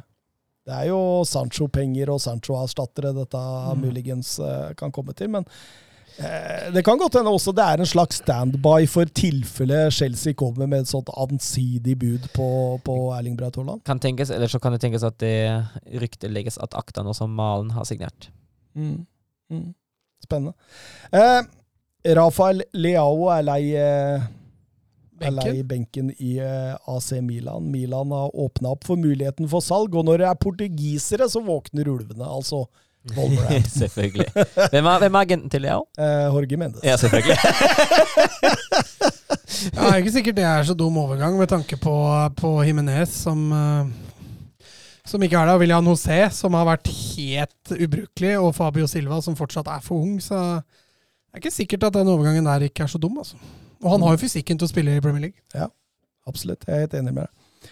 Eh, Oskar Carveio Holm på Twitter. Eh, hvordan rangerer man egentlig Donnarummas overgang over de beste free transfers gjennom tidene? En av de beste, eller? Ja, det er jo altså det er to som jeg eh, syns er litt i en særklasse der. Mm. Det er jo Lewandowski fra Dortmund til Bayern. Han Ja. er jo helt enorm. Og Pirlo fra Milan til Juventus. Det er også helt enormt. Ja. Og så har, du- og så har du jo flere som har vært veldig, veldig gode. Men, men Pirlo var jo litt avskilta, han. Jo, Juventus blåste jo liv i han. Jo, jo, men altså, for, det er fortsatt en, en, eh, en En bra free transfer. Ja. Utvilsomt med tanke på hvordan Pirlo blei, ja. Ja. Mm. Men det er jo vanskelig å gjøre en konklusjon her. Ja, det er det. Hvis Donnarumma går inn der og så koster PSG seriegullet, så er det jo ikke en veldig god free transfer. Neida, men altså, jeg tror jo det er en av de beste. Det er jeg jo helt enig i. Det ligger an til det, ja. Ja. Det er men Paul Pogba fra Manchester United til Juventus, da. Den, er, den henger høyt for meg. At Ja. du, han kommer dit, eh, vinner titler, er helt outstanding på midten, og så drar han tilbake igjen eh, for 800 millioner laks. De pengene er jo for lengst i lomma på uh, en eller annen mafiaboss i Juventus der, da. Ja, og, og litt til Raiola. eller ikke bare litt, eller kanskje. Eh, Sol Campbell sin til Ja. eh, Den er Arsenal, spektakulær. Ja, den er, den er sjuk. Den er sjuk. Eh, Ballack til Chelsea Ja, fra er Bayern. München er er også sterk. Eh, Luis Henrique fra Real Madrid til Barcelona. Den er også spektakulær. Ja. Milner fra City til Liverpool. Mm. Den er bra, den òg. Og Goretzka fra Schalke Ja. til Bayern er München. bra. Og fra Bayern München til Manchester United. Så har vi også Alabat fra Bayern til Real, som kan bli veldig bra. Absolutt, absolutt. Eh, vi snakka om eh, Galtier i NIS, som henta en eh, Lemina, en eh, vaktbikkje på midten. Han er også klar for å hente en til. Pablo Rosario fra PSV. Eh, midtbanespilleren som kan spille både stopper og sentral midt. Er, er godt linka nå. Defensiv type. altså han er 24 år, stor, sterk, duellsterk, fysisk. Eh, altså, det, det høres vondt ut å møte Rosario og Lemina på den midten der, så Mm. åpenbart at Galtier skal Jeg syns det er veldig spennende med det NIS-laget nå, altså. Eh, det blir veldig spennende å se åssen Galtier klarer seg uten Louis Campos. Men han er jo i hvert fall aktiv på overgangsmarkedet for det. Han er det. Han er det. Og så henter han jo spennende typer, så det skal bli artig å følge. Mm. Patrick van Anholt er så å si klar for Galatasaray. Mm. Eh, vi har et siste Twitter-spørsmål her fra Martin Hjort Bjørklund. Eh, hvis dere skulle anbefale et akademi for en talentfull 15-16-åring, hvilket akademi hadde dere valgt? Ajax. Ajax er jo bra. Jeg hadde valgt eh, Dortmund. Eller Dortmund, ja. Ja, jeg jeg hadde, jeg hadde valgt Dortmund, med tanke på hvordan, altså, hvor, hvordan Dortmund har jobba for å utvikle unge spillere. Det var helt enormt. Men, men, men eh, Ikke det at jeg kommer på, men hvilken spillere i Dortmund har gått skolen Dortmund-skolen? Da, da tenker jeg ikke vi henter inn Sancho Nei, Bellingham Nei, og nei, så men du kjører har i vi fall på laget. Mokoko har jo gått Dortmund-skolen. Ja. Uh, Gio Reyna har vært Mm. i Dortmund. Uh, og så har du Du har litt flere talenter som sitter litt, sitter liksom bakpå. Ansgar Knauf. Knauf. Ansgar Knauf har jo gått Han er et eksempel, ja. Fia med knuff, Fia med knuff. Og så har, altså så har du også den fordelen at uh, Vet jo ikke hvordan eh, sesongen blir, men andre laget til Dortmund har jo rykka opp til uh, tredje liga, så spiller for et forholdsvis for høyt nivå, de òg. Er det gæ... Altså Men her var jo spørsmålet Ja, hvis du er 15-16. Selvfølgelig. Men det, er- Ikke men hvis det, du er- er 10. Nei, men det, er- men det har jeg. Ti? Ja, 10 år. Jeg, Ja, fordi han, han prøvde å arrestere deg på at de som kommer opp gjennom hele Dortmund-systemet Å ja? At han, det ikke var så mange. Det var det Thomas skulle fram til. Å ja, sånn, ja. ja. De som liksom går inn er 14-15-16 år og, og, og følger Dortmund-akademiet. Liksom. Det er veldig mange Dortmund-spillere som går inn når de er 16-17-18, og så går inn i en slags Asdal-læring. Ja, ja, ja.